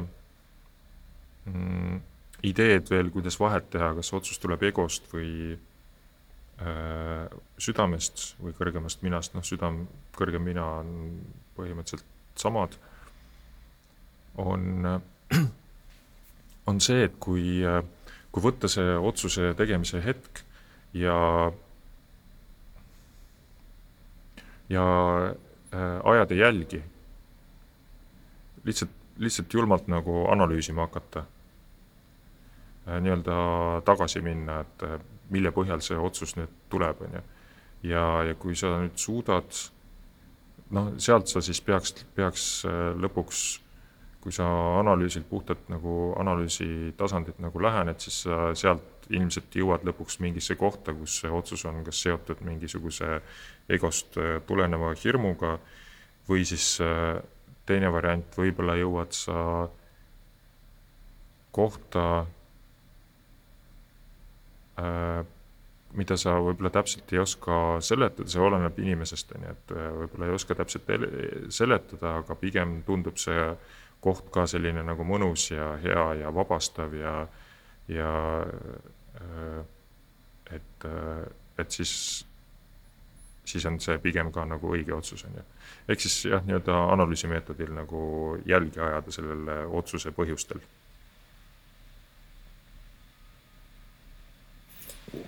lähme, lähme sinna vaimsesse sektorisse ka, et, et, et äh, mind ennast jäi huvitama tegelikult see, kuidas sa kuidas sa inimeste potentsiaali nagu avastad, et äh, meil ju räägitakse siin, ma ei tea, mitukümmend aastat juba, võib-olla, võib-olla isegi rohkem kui sada aastat, eks ole, läbi, erinevate kurude ja, ja nii-öelda suured mõtlejad, et äh, meis on mingisugune see nii-öelda full potential nagu täispotentsiaal olemas ja, ja see tuleb üles leida ja siis hakkab elu minema paremaks ja, ja nii edasi. et aga, aga mis asi see nagu on ja, ja kuidas, kuidas inimene tegelikult jõuab enda täispotentsiaalini, et kus ma tean, et ma täna olen enda täispotentsiaaliga, kuidas sellele teekonnale asuda mm? -hmm. Mm, jällegi kõige suurem takistus, mis äh, selle täispotentsiaali nagu avamise ees on, on meie enda ego. Ja, ja ego võib olla väga-väga nutikas. ta kasvab ja areneb ka koos meiega. ehk siis ta on selline nagu, mis meiega nii-öelda alati kaasas on ja millest jällegi eesmärk on teda üha rohkem tundma õppida, temast teadlikuks saada, temast üha rohkem teadlikumaks saada ja arvestama peab ka sellega, et võib olla vahel väga, väga nutikas ja üle kavaldada, et enesesabotatsioon on, on ka asi, mida me väga tihti teeme just ja, ja mis tuleneb just egost. Äh, noh, kuidas, kuidas, kuida-, äh, kuidas seda potentsiaali nagu avada, on siis just äh, müstikakooli töövahenditega, tööriistadega. ja, ja selleks on noh, kõige esimene samm on üks konkreetne üks-ühele sessioon energeetiline sessioon, mis, mis on eluaktivatsioon, mille sisu on see, et ta käivitab, ühesõnaga, meil on, meil on nii vaimne tee või siis füüsiline DNA, aga lisaks on meil ka spirituaalne DNA, mis on, mis on see nagu nii-öelda spirituaalne äh, blueprint või, või öelda allika, ma ei tea, kuidas blueprint eesti keeles on, aga, aga selline ühesõnaga see info või, või see, mis on meiega kaasas enne seda, kui, äh, kui me hakkame oma personaalsust kasvatama, personaalsuse ehk siis ego kasvatama. Äh, ehk siis see, mis me sündides siia kaasa saame. just, see on jah, see algolemus, see algolemus, see on meie spirituaalses DNA-s äh, energeetilise nagu koodina sees ja ja ta ei ole täielikult äh, avatud, niikaua kuni ei ole tehtud eluaktivatsiooni. eluaktivatsioon on üks äh,, üks konkreetne äh, siis sessioon, energeetiline sessioon, mis lülitab sisse teatud kindlad DNA punktid, mis aktiveerivad siis äh, potentsiaali siis täielikuks potentsiaaliks. see ei tähenda seda, et kohe käib niisugune lülitus ja sa oled kohe nii-öelda uus inimene, vaid sa oled äh, lukustanud teatud võtmed lahti äh,, mis aitab ja toetab sind palju kiiremini edasi siis oma, oma täieliku nagu potentsiaalini. Ja et see on, see on üks asi, mis, mis mida ma hästi soovitan ja mis on nagu jah, hästi soovitatud igale inimesele nagu ära teha, et see on selline, ongi sessioon, mida on ühe korra elus vaja. et ta nii-öelda paneb nagu tule põlema. ja, ja siis äh, edasi on äh järgmise sammuna on Empower the Self koolitus, mis on äh, siis päris palju võimsaid teadmisi väga palju noh, ja küm-, üheksa või kümme erinevat praktikat, millega iseendaga tööd teha ja oma egoga tööd teha ja oma potentsiaaliga tööd teha, oma vaimset musklit treenida ja, ja siis lõpuks äh, initsieerimine kuningas Salomoni lineage'i, püha, püha tseremoonia. Et see on äh, ka selline väga võimas iidne komplekt mis tõstab sind nagu nii-öelda järgmisele levelile, järgmisele tasandile oma vaimses arengus. ja, ja annab sulle siis tuhandete aastate jooksul läbi tööt-, läbi testitud, sisse töötatud erinevad praktikad, millega inimesed enne sind on jõudnud oma siis potentsiaali leidmisele, võib-olla see täielik potentsiaal ongi nagu natukene selline, ei ole võib-olla nii, niivõrd õige, no ikkagi täielik, täielik potentsiaal sisuliselt tähendab seda, et sa oled oma ego kuningas. et selles mõttes ta on, aga, aga selles mõttes nagu, et äh, me pürgime sinna oma jumalikkuse poole äh, et, et seda nii-öelda jumalaks saamist on ju, see on selline, mis on tegelikult äh, äh, kestev protsess, ka peale surma kestev protsess. et see on see, kuhu, kuhu me peame alati pürgima, aga kuhu see sihtmärk nii-öelda ei äh,, et ta ongi nii-öelda protsess, seal ei ole nagu sellist, äh, kuhu me kohale jõuame, sest kui me saame nii-öelda äh, Äh, kõrgemaks jumalaks, siis, siis tegelikult ongi kõik põhimõtteliselt. et eesmärk on äh, olla selles protsessis ja eesmärk on äh, seda elu ja, ja seda rolli ja, ja keha ja kõike, mis meil siin maa peal on ja, ja meie missiooni ja eesmärk on kõike seda võimalikult kõrge potentsiaaliga ära kasutada ja võimalikult palju luua ja, ja võimalikult vähe siis äh, oma ego peale ressurssi panna.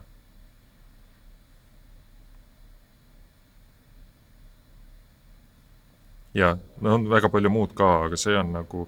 müstikukooli eesmärk on äh, jõuda äh, siis äh, kuldajastusse, ehk siis noh, müstikukool nimetab seda šambalaks aga jõuda siis kohta kogu inimkonnaga, kus meil ei ole sõdu, kus meil ei ole, mm, kus kõik on äh, ühenduses oma enda allikaga, kus, äh, kus äh, ei ole vägivalda ja, ja sinna me jõuamegi siis, kui, kui me oleme kõik oma ego manageerimisega teatud tasemele jõudnud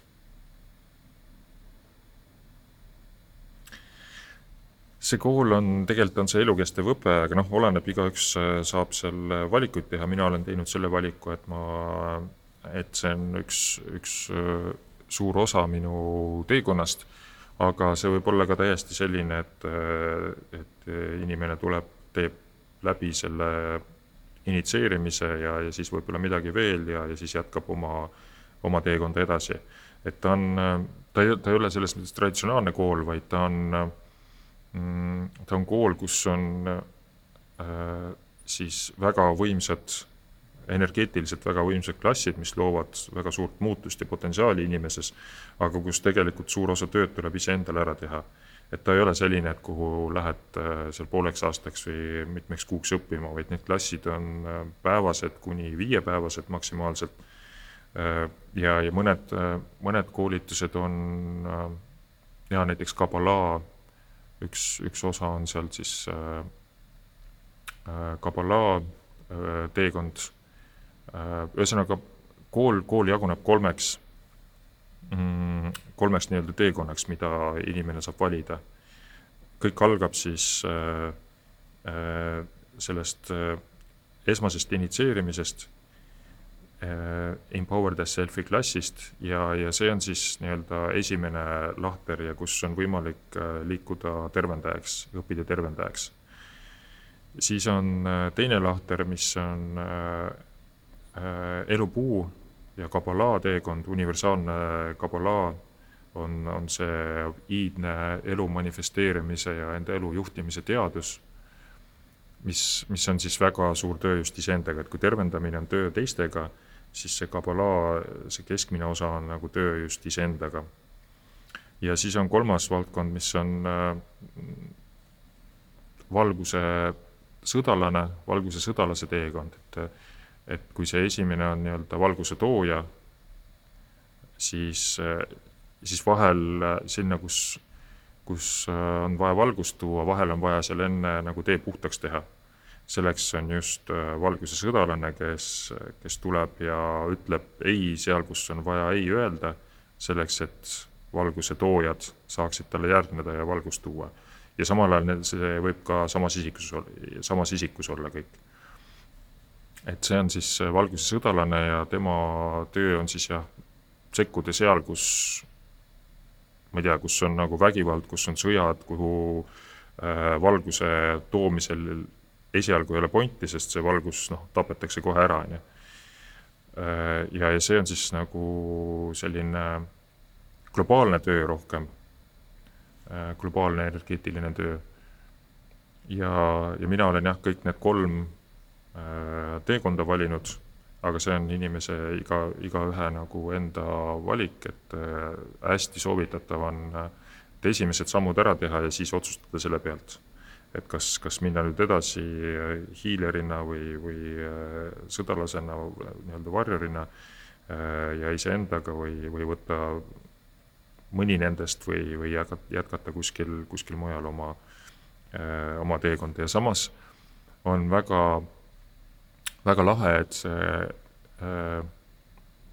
et modernse müstikakooli kõik need äh, praktikad ja, ja kõik see õppetöö ja, ja areng ja kasv on ehitatud aegade jooksul selliselt, et ta sobitub kokku siis mis iganes nagu eluvaldkonnaga millega sul tegelikult noh, lisaks ka endale meeldib tegeleda, ehk et ta ei ole nagu selline, et et äh, sa pead, ma ei tea, pead äh, kuu aega kuskil koopas mediteerima või pool aastat kuskil äh, mingit, mingit muud asju tegema, on ju, et need, need praktikad ja, ja tööriistad ja kõik need on sellised, mida on väga lihtne enda nii-öelda igapäevarutiini sisse integreeruda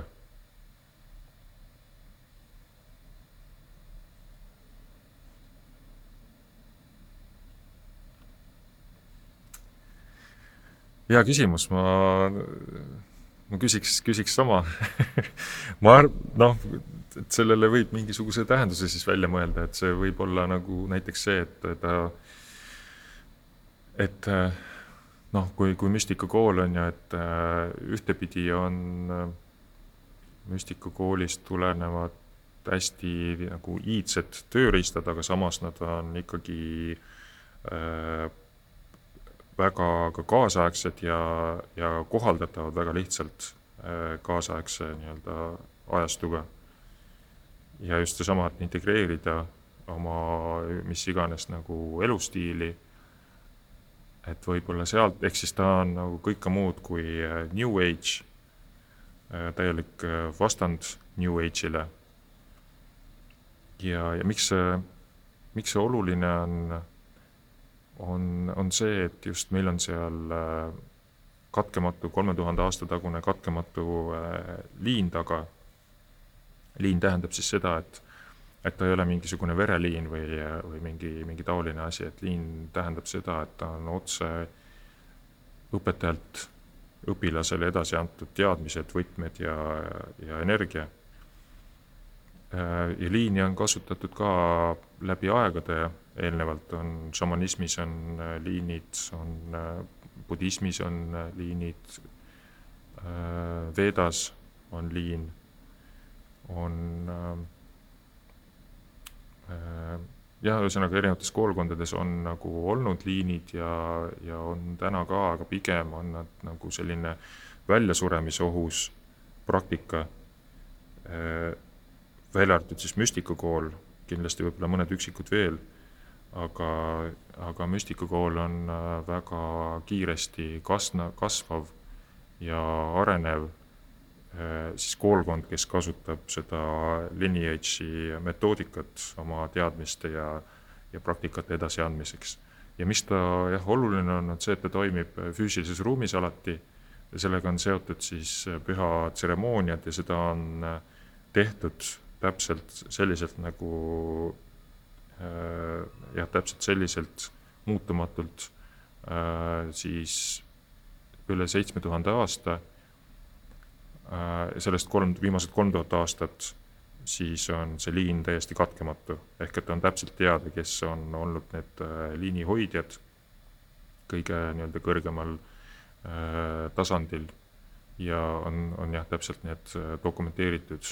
et inimesed on kõik teada ja ja, ja, ja see, kui, kui nagu tunnetuslikult, kui seda energiat tunnetada, siis, siis seda on tunda, mida tähendab lineage. et seal on tunda seda kollektiivset pühendumist, seda jõudu äh, ja tuge, millega, mis, mis lineage'iga või liiniga kaasneb et seal on väga, väga võimas, väga suur vahe, kas, kas liikuda üksinda kuskil või liikuda koos äh, lineage'i äh, kogukonnaga, sest üksi liikumisega on see, et äh, meil ei ole siin elus liiga palju aega, et kõiki neid ämbreid läbi kolistada. ja, ja neid ämbreid on palju, neid igasugu lõkse on on palju. Lineage annab just selle kindluse, et need on aastatuhandete jooksul on kõik need ämbrid kellegi teiste poolt nagu läbi käidud ja, ja, ja kõik, kõik need praktikad on äh, tõestanud ennast piisavalt, et ainus tingimus on see, et neid tuleb ka kasutada. et tihti ta-, kõige tavalisem viga, mis tehakse, on see, et ei kasutata, ei viitsita, võetakse äh, lõdvalt asja ja siis on noh, loomulikult äh, asjad ei toimi aga räägi mm,, räägi, mis asi see kuldajastu on? hästi paljud räägivad sellest, selgeltnägijad, erinevad inimesed ümber maailma, et, et see on nagu kuhugi, kuhu me justkui kõik peame jõudma.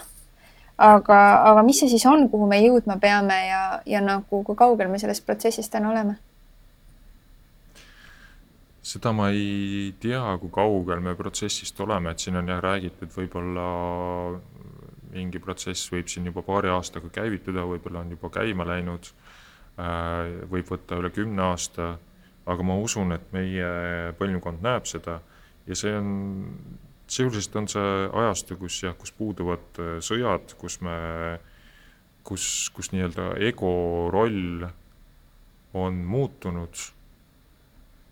äh,, muutunud siis selliseks, selliseks, et me kasutame oma egot ka kollektiivselt, nii et nii individuaalselt kui kollektiivselt kasutame teda ainult siis ja ainult selliselt, kui meil on teda tõesti vaja, mis teistpidi loogiliselt tähendab seda, et et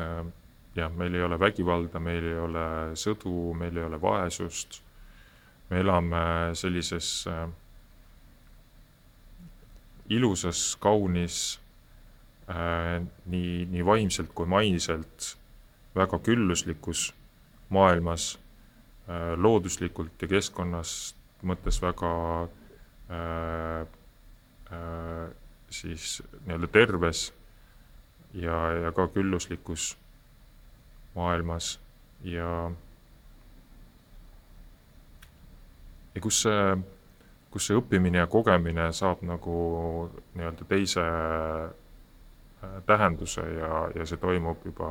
ka nagu teisel tasandil. et kus on, äh, kus saab olema ikkagi oluliselt, oluliselt vähem probleeme ja, ja elu saab olema ikka palju-palju ilusam ja, ja ühesõnaga jah, et, et see kogemine ja õppimine hakkab toimuma nagu järgmisel tasandil kuidas sa tunned täna, kas äh, sellised äh, äh, võimed nagu selgelt nägime, nägemine või noh, ütleme, ma ei tea, teleporteerumine, kas see on sinu jaoks nagu täna tuttav teema, et kas sa oled selles osas ise ka tunnetad juba rohkem, näed rohkem, kuuled rohkem? jaa äh,, enne müstikakooli mul oli ainult teadmine, et äh,, et sellised võimed on äh, on võimalikud. täna mul on ka väga palju kogemust ja, ja fakte ja, ja, ja näiteid tuua oma isiklikust elust. ja selle, jah, selleks on, me, meil kõik on erinevad äh, võimed olemas, lihtsalt jällegi küsimus on äh, musklit kasvatada. muskli, küsimus on nagu mm, järjepidevat tööd teha nendega, et need avalduksid ja tööle hakkaksid sest me ei ole kunagi, tegelikult kesk, keskmine inimene ei ole kunagi nagu selle peale üldse mõelnud ja, ja kasutanud neid, et ta üldse ei tea ja ei teadvusta, et tal need olemas on, aga tegelikult nad on meile kõigile kaasasündinud. ja, ja see on ka üks osa siis nagu potentsiaalist ja, ja me saame neid võimeid ka oma igapäevaelus väga edukalt kasutada. intuitsioon on kõige, kõige lihtsam, mida võib-olla päris paljud ka kasutavad. Aga neid on, neid on väga palju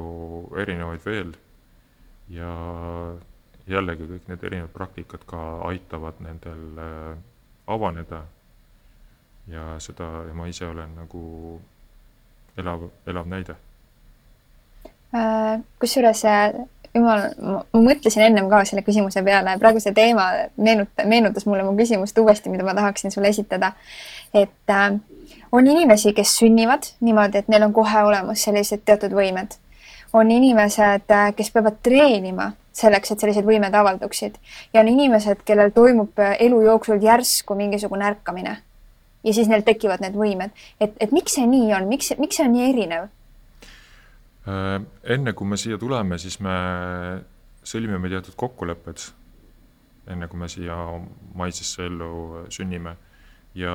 ühesõnaga, me ise paneme teatud lepingud, teatud kokkulepped äh, vaimses maailmas, kus me siis fikseerime ära, mida me siia kogema tuleme, mida me siia õppima tuleme. Ja sealt tulebki see, et äh, me kõik justkui tuleme nagu ühest kohast, aga meil kõigil on äh, oma kindel missioon ja oma kindel, kindlad kogemused, mis me siin maa peal äh, tegema tuleme ja, ja, ja mõnedel on siis jah, on see, et nad saavad välguga pihta, avanevad mingid võimed kohe. ja, ja seal võib olla see, et päris palju selliseid, ma olen, selliseid inimesi ma olen näinud, kes on äkki nii-öelda lambist need võimed nagu saanud endale siis nad on sattunud sellesse kohta, kus nad jagavad nagu tasuta. ehk siis nad on, äh, nad on nagu, neil on, võib-olla neil on tunne, et nad on justkui võlgu kellelegi. ja, ja nad on pühendunud sellele, et nad hästi palju annavad. aga nende, mis seal nende õppetund võib olla, võib olla just see, et äh, leida see tasakaal andmise ja saamise vahel, ehk et liikuda Äh, liikuda just rohkem andmisest äh, ka saamise poole, ehk et küsi, küsi ikkagi raha selle eest, mis sa annad, sest raha küsimine tähendab seda, et sa lood jällegi küllust iseendale ja sa saad ka iseennast edasi arendada. et kui sa saad kuskil äh, nagu lambist need võimed kätte, on ju, see ei tähenda seda, et progressi ei peaks toimuma, et progress on alati see, progress ja areng on alati vajalik ja ja siis sul lihtsalt on äh, võib-olla vähe võimsamaid teejuhte ja giide vaja sinna kõrvale, kes sind jälle ka edasi aitaks, aga selleks on jällegi vaja küllust. aga väga paljud äh, liiguvad sellesse kohta, kus nad äh, oma neid võimeid ja valgustatust nagu siis tasuta ära annavad, et see võib olla näiteks nende õppetund. samas jällegi teine õppetund võib olla selline, kus inimene on nagu Äh, nii-öelda nullpunktist või nullist tulnud ja ise tööd teinud, on ju, ja siis äh, sisse töötanud lõpuks ja, ja siis need võimed kätte saanud ja siis jällegi äh, väärtustab neid oluliselt rohkem ja, ja, ja toob, toob seda küllust omale rohkem ja et noh, seal võivad mingid teised õppetunnid jälle olla ja noh, kaasasündinud jälle mingi kolmas, kolmas nagu missioon ja, ja õppetunnid. Aga mis on üldse sinu jaoks täna nagu valgustumine, et kas see ongi siis see kuldajastusse minek, millest sa nagu just rääkisid või mis ta nagu sinu jaoks on? äh, kihvt küsimus selles mõttes, et äh, oleneb ka, kuidas nagu vaadata, aga äh, noh, kui vaadata vaimses mõttes, siis, siis jällegi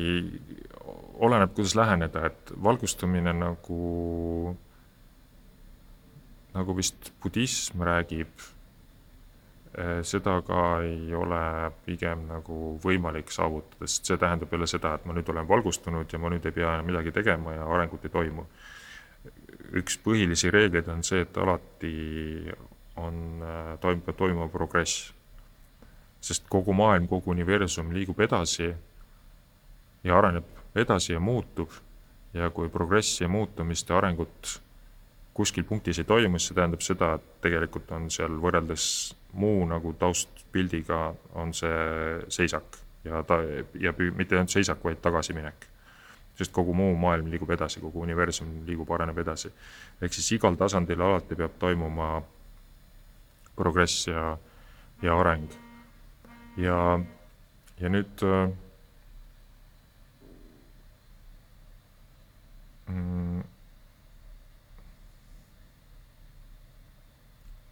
Sorry, mis su algne küsimus oli just, valgustamine. Äh, ehk siis jah, sellist nagu, alati peab toimuma progress, ehk siis valgustamine selles kontekstis nagu pigem võib-olla ta võib, ta võib tähendada nagu seda, et et mis ongi see, et sa saad oma egost teadlikuks, aga see ei tähenda seda, et seal progressi ei peaks taga olema, et sa pead endiselt kuhugi nagu pürgima, edasi nagu liikuma. aga mul oli endal äh, oli väga kihvt kogemus, kus ma käisin äh, just hiljuti, paar, paar kuud tagasi ja just hetkel enne, äh, käisin, käisin pimedas ruumis, enne eri, eriolukorda läksin pimedasse ruumi ja tagasi tulin välja, siis oli riigis eri, eriolukord kehtestatud. Et äh, seal tuulelee juures pimedas ruumis üheksa päeva olin. ja ja seal ma mingisugune neljandal-viiendal päeval äh, mu kolmas silm avanes piisavalt palju, et ma hakkasin seal pimeduses siis äh, nii enda aurat nägema kui ka enda pea kohal aeg-ajalt äh, sellist valget äh, valgust nägema, päris võimast valgust, mis äh,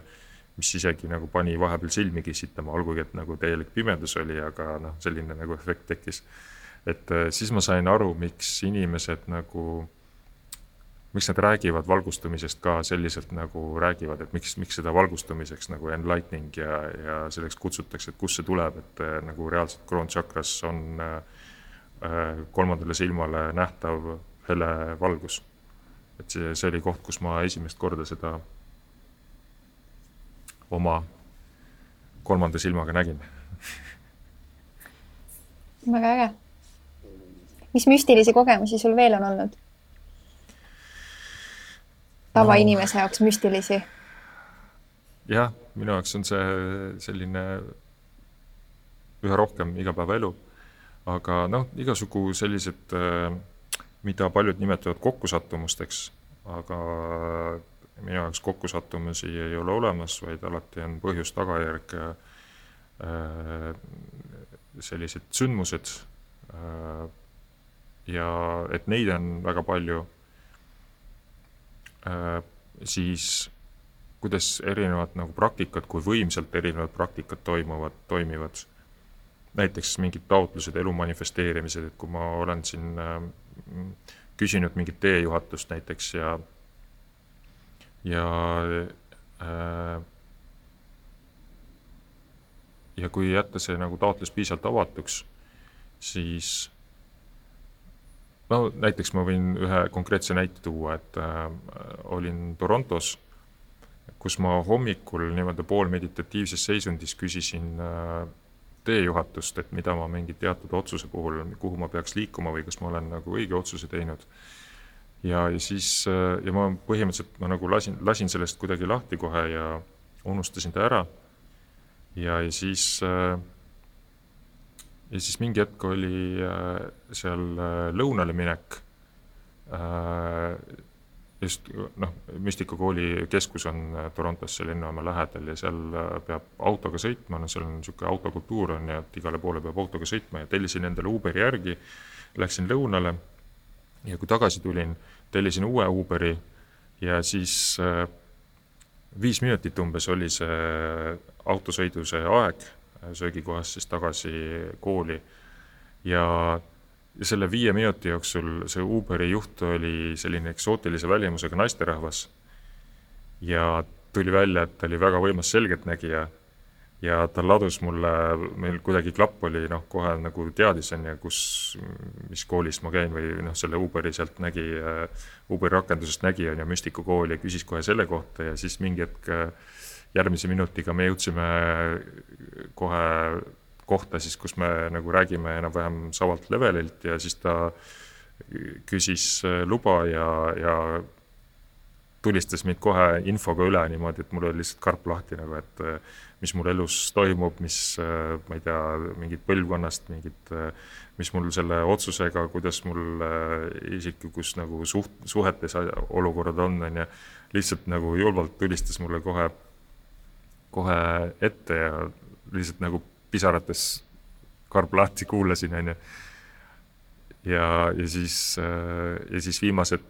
see toimus mingi kaks minutit ja siis viimased seal üks minut veel, siis ma jagasin veel talle oma mingit nagu näpunäiteid, et tal tundus olevat ka nagu küllusega just kuidagi äh, kitsas ja, ja noh, ühesõnaga toimus nagu selline infovahetus temaga. Ja, ja siis äh, pärast hiljem alles ma taipasin, et äh, vau, et see oligi seesama nagu teejuht, mida ma just sama päeva hommikul soovisin ja ta andis mulle täpselt seda, mida ma vajasin tol hetkel ja, ja jällegi väga võimas äratundmine, kuidas, kuidas universum äh, toimib ja, ja kuidas taotlused ja manifesteerimine, kui võimsalt äh, toimib ja et see oli üks niisugune huvitavamaid seike võib-olla, et nagu ei, elu sees ei ütle, ei oskaks oodata, et kuskil mingi äh, kuskil tööstuspiirkonnas mingi Uberi, Uberi juht on ja võimas selgeltnägija, endine tervendaja ja praegu see lihtsalt sõidab taksot puhtast huvist nagu. Väga vinge väga vinge. kas äh, nagu inimesed võiksidki olla nagu kahekümne aasta pärast sellised või juba varem või millisel, millisena sa näed inimkonda kahekümne aasta pärast? muidugi, üha rohkem on ju näha, kuidas, kuidas kollektiivne nagu aktsepteeritavus igasuguste võimete selgeltnägemiste vastu on tõusnud, noh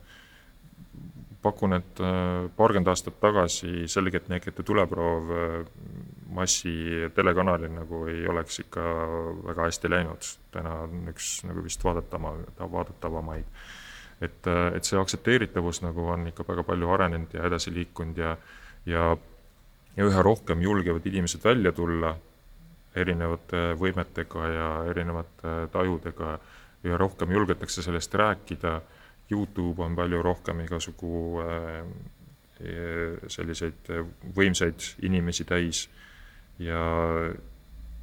ja see liigub, areneb väga, väga kiiresti edasi praegu. et, et jah, kahekümne aasta pärast, ma arvan, on meil see äh, kollektiivne vaimsuse level ikka väga palju Äh, väga palju võimsam ja väga palju rohkem kaugemale arenenud kui täna. et juba eelmise kahekümne aastaga on tõsiselt palju toimunud.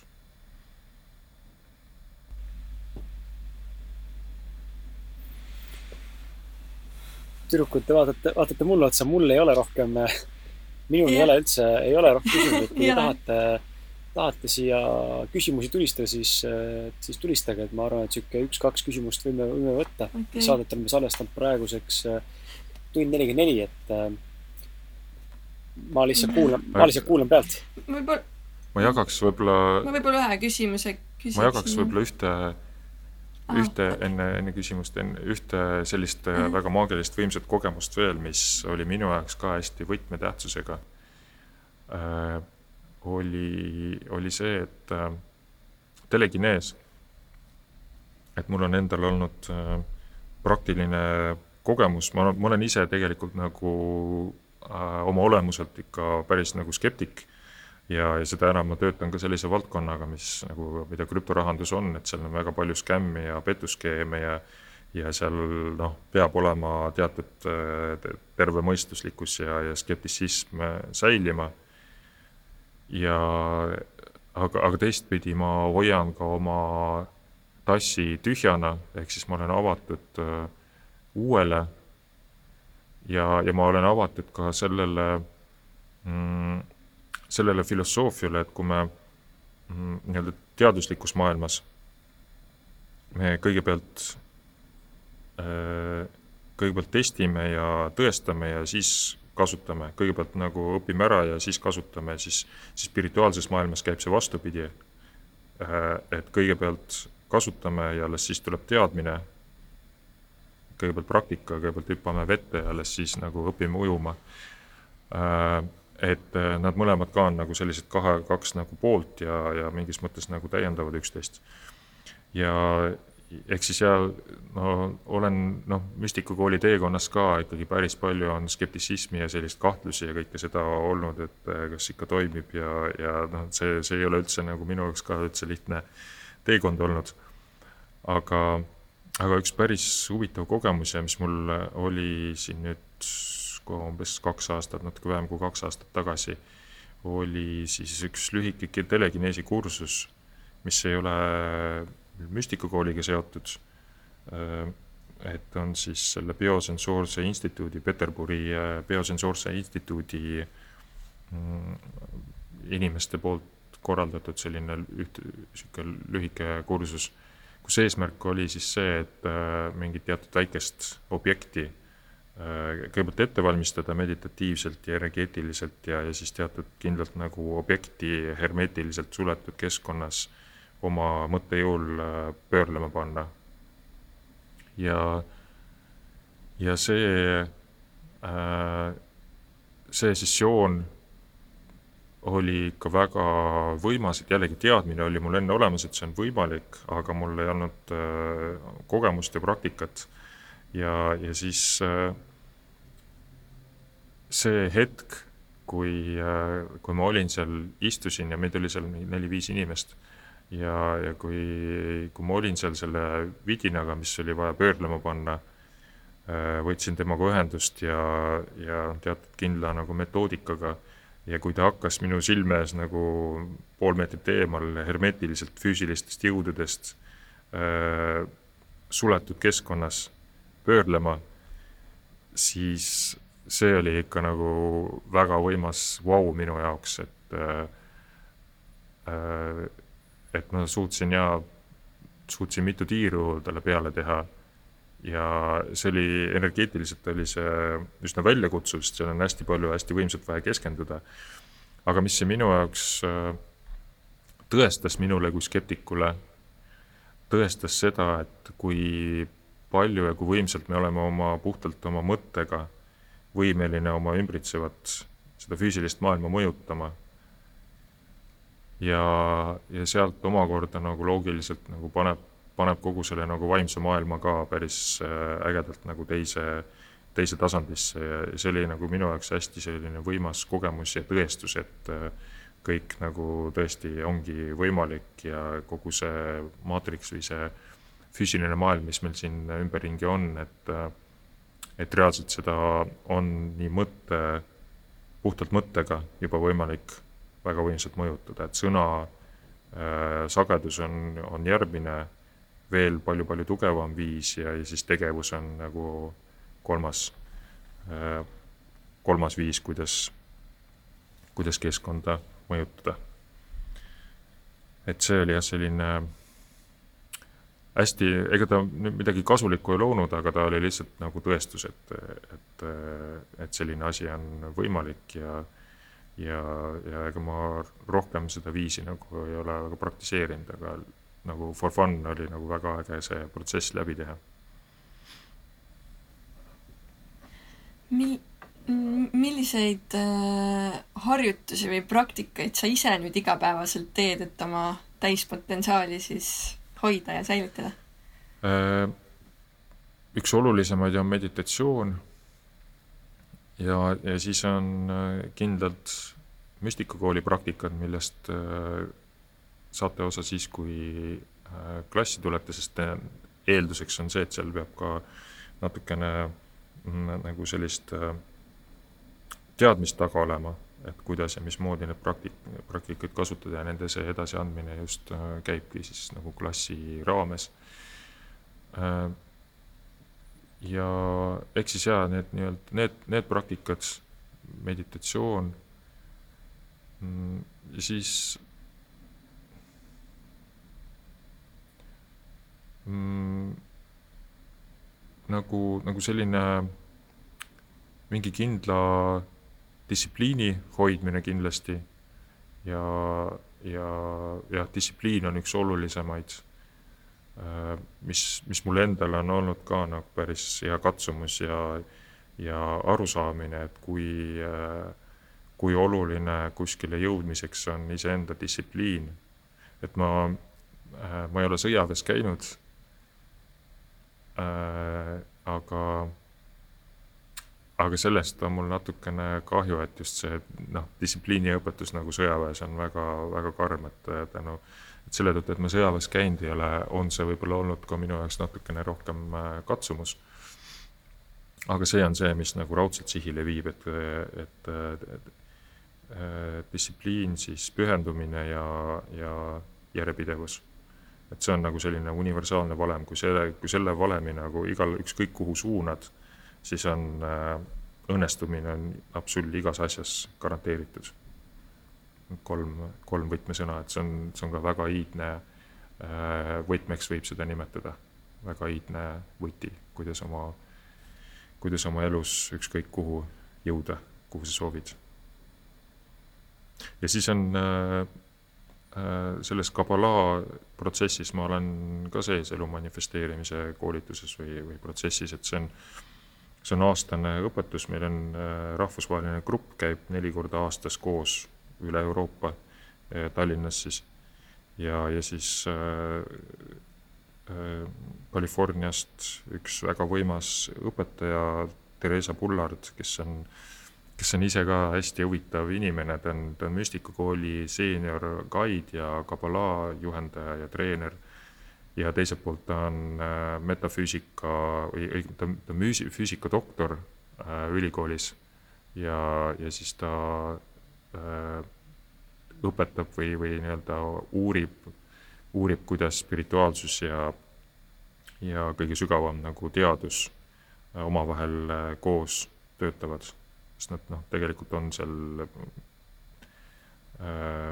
nad töötavad koos et lihtsalt küsimus on, kui, äh, millise nurga alt vaadata ja kuidas nad koos tööle panna, et et tema käib meil, äh, käib meil siin Eestis siis äh, seda kabalaad õpetamas ja, ja see on siis jah, kabalaa praktikad on ka äh, raamatute lugemist on seal päris palju ja, ja igapäevaseid nagu praktikaid ka, et mul, mul läheb iga päev koos mediteerimisega ikka ligi kaks tundi, ma arvan, erinevate praktikate peale aga mis on samas nagu äge, et et muidu see kaks tundi võib-olla kuluks mingisuguse tühja tähe peale, on ju, et nii noh, nii aeg on, aeg on aeg, niikuinii ta läheb ära, on ju, pigem, pigem äh, kasutada seda siis mingite kindlate konkreetsete tegevuste jaoks ja ja, ja tegelikult kui, kui hakata oma aega nagu hästi võimsalt juhtima, siis, siis sealt tulebki ajavõit lõpuks sa teed neid siis hommikuti, ärkad hästi vara ja või no kuidas kunagi? eesmärk on jah, ikkagi lõpuks varem märgata, aga, aga täna kuidagi on see sattunud nii, et ma pigem on hilja õhtul palju tegemist ja, ja hommikul siis läheb kauem natukene, aga aga ideaalis peaks see nii käima jah, et äh, umbes kuuest, äh, viiest-kuuest hommikul ülesse ja, ja siis, siis alustama, aga mul on, mul on nii hommikul kui õhtul on natukene tegemist nende teemadega. väga äge. minul on küsimused otsas. mul kah. nii ra-, nii raskete vahetega, mul on otsas ei, tegelikult on väga-väga põnev ja mul oleks kindlasti neid küsimusi selles mõttes eh, kuskilt varnast veel võtta, mida, mida sisimas võib-olla tahaks küsida, aga, aga mina hetkel täna vaatan kella ja ma tean, et eh, mul läheb kiireks aga siis äh, tõmbame otsad kokku, sest me oleme tegelikult tund viiskümmend neli vestelnud, et äh, Asse, enne kui me siin lõpetame, ma tahan äh, öelda sulle, et aitäh sulle esiteks, et sa olid nõus panustama peaaegu kaks tundi enda väärtuslikku, tegelikult rohkem, kaks pool tundi, sest me pool tundi mässasime tehn-, minu, minu, minu probleemidega. Aga ma annan sulle meie poolt väikse kingitused ka, et esimene on sihuke ausad mehed väike kleebis sa saad kaasa ühtlasi meie käest veel, meie koostööpartneri Million Mindset kirjastuselt saad sa kaasa kaks raamatut. üks neist on äh, Jim Stovali poolt Tulemuslikkuse kunst. ma ei tea, kas sa oled lugenud või mitte, äh, kaamera ei fokusseeri ära praegu. ei ole. aga see tuleb sulle kaasa ja siis tuleb kaasa George, ma ei tea, kes ta on, Saint või kes ta seal on või mingi Steven või Claysoni raamat, mis on Pabulini rikkam mees. et äh, need kaks tükki saad sa kaasa ja, ja saad neid lugeda. ja jah, suur, suur tänu, ja et suur tänu ja, ja teile ka, et väga, väga kihvt ja väga põnev on. viimased kaks tundi olid. ja ühtlasi viimane asi veel sulle, sa saad kaasa ka meie äh, riidest ostukoti ausad meeste logoga, mis siis on meie riideskoti.ee poolt välja pandud. aitäh, nii et mine pane sulle teenust ja saad minna shoppama, koroona on läbi. jess kuule, aga tüdrukud, tõmmake kokku. lõpusõnad ja head aega. Me oleme tänulikud selle tänase podcasti eest. et äh, väga äge on olnud ja, ja mulle meeldib ka öelda seda, et kui kuulajad said sellest väärtust ja leidsid enda jaoks midagi, mis äh, neid kõnetas, siis kindlasti jagage. ja, ja, ja ma arvan, et ega mul ei olegi midagi muud öelda, et järgmise, järgmiste podcastideni ja Asse, sulle palju edu sinu tegemistes. aitäh ja, ja soovin ka kõigile kuulajatele palju edu ja äh, enne, enda enese leidmist ja, ja armastust ja, ja kõike muud kaunist ja, ja, ja sellist äh, uskumist ja, ja lootust, et äh, praegu on keeruline ja, ja võib minna veidi keerulisemaks, aga suures plaanis on ikkagi, me liigume kõik äh, nagu äh, kirkama ja palju ilusama tuleviku poole. olen sinuga nõus. Davai, aga olge tublid. tšau. tšau. tšau! tšau.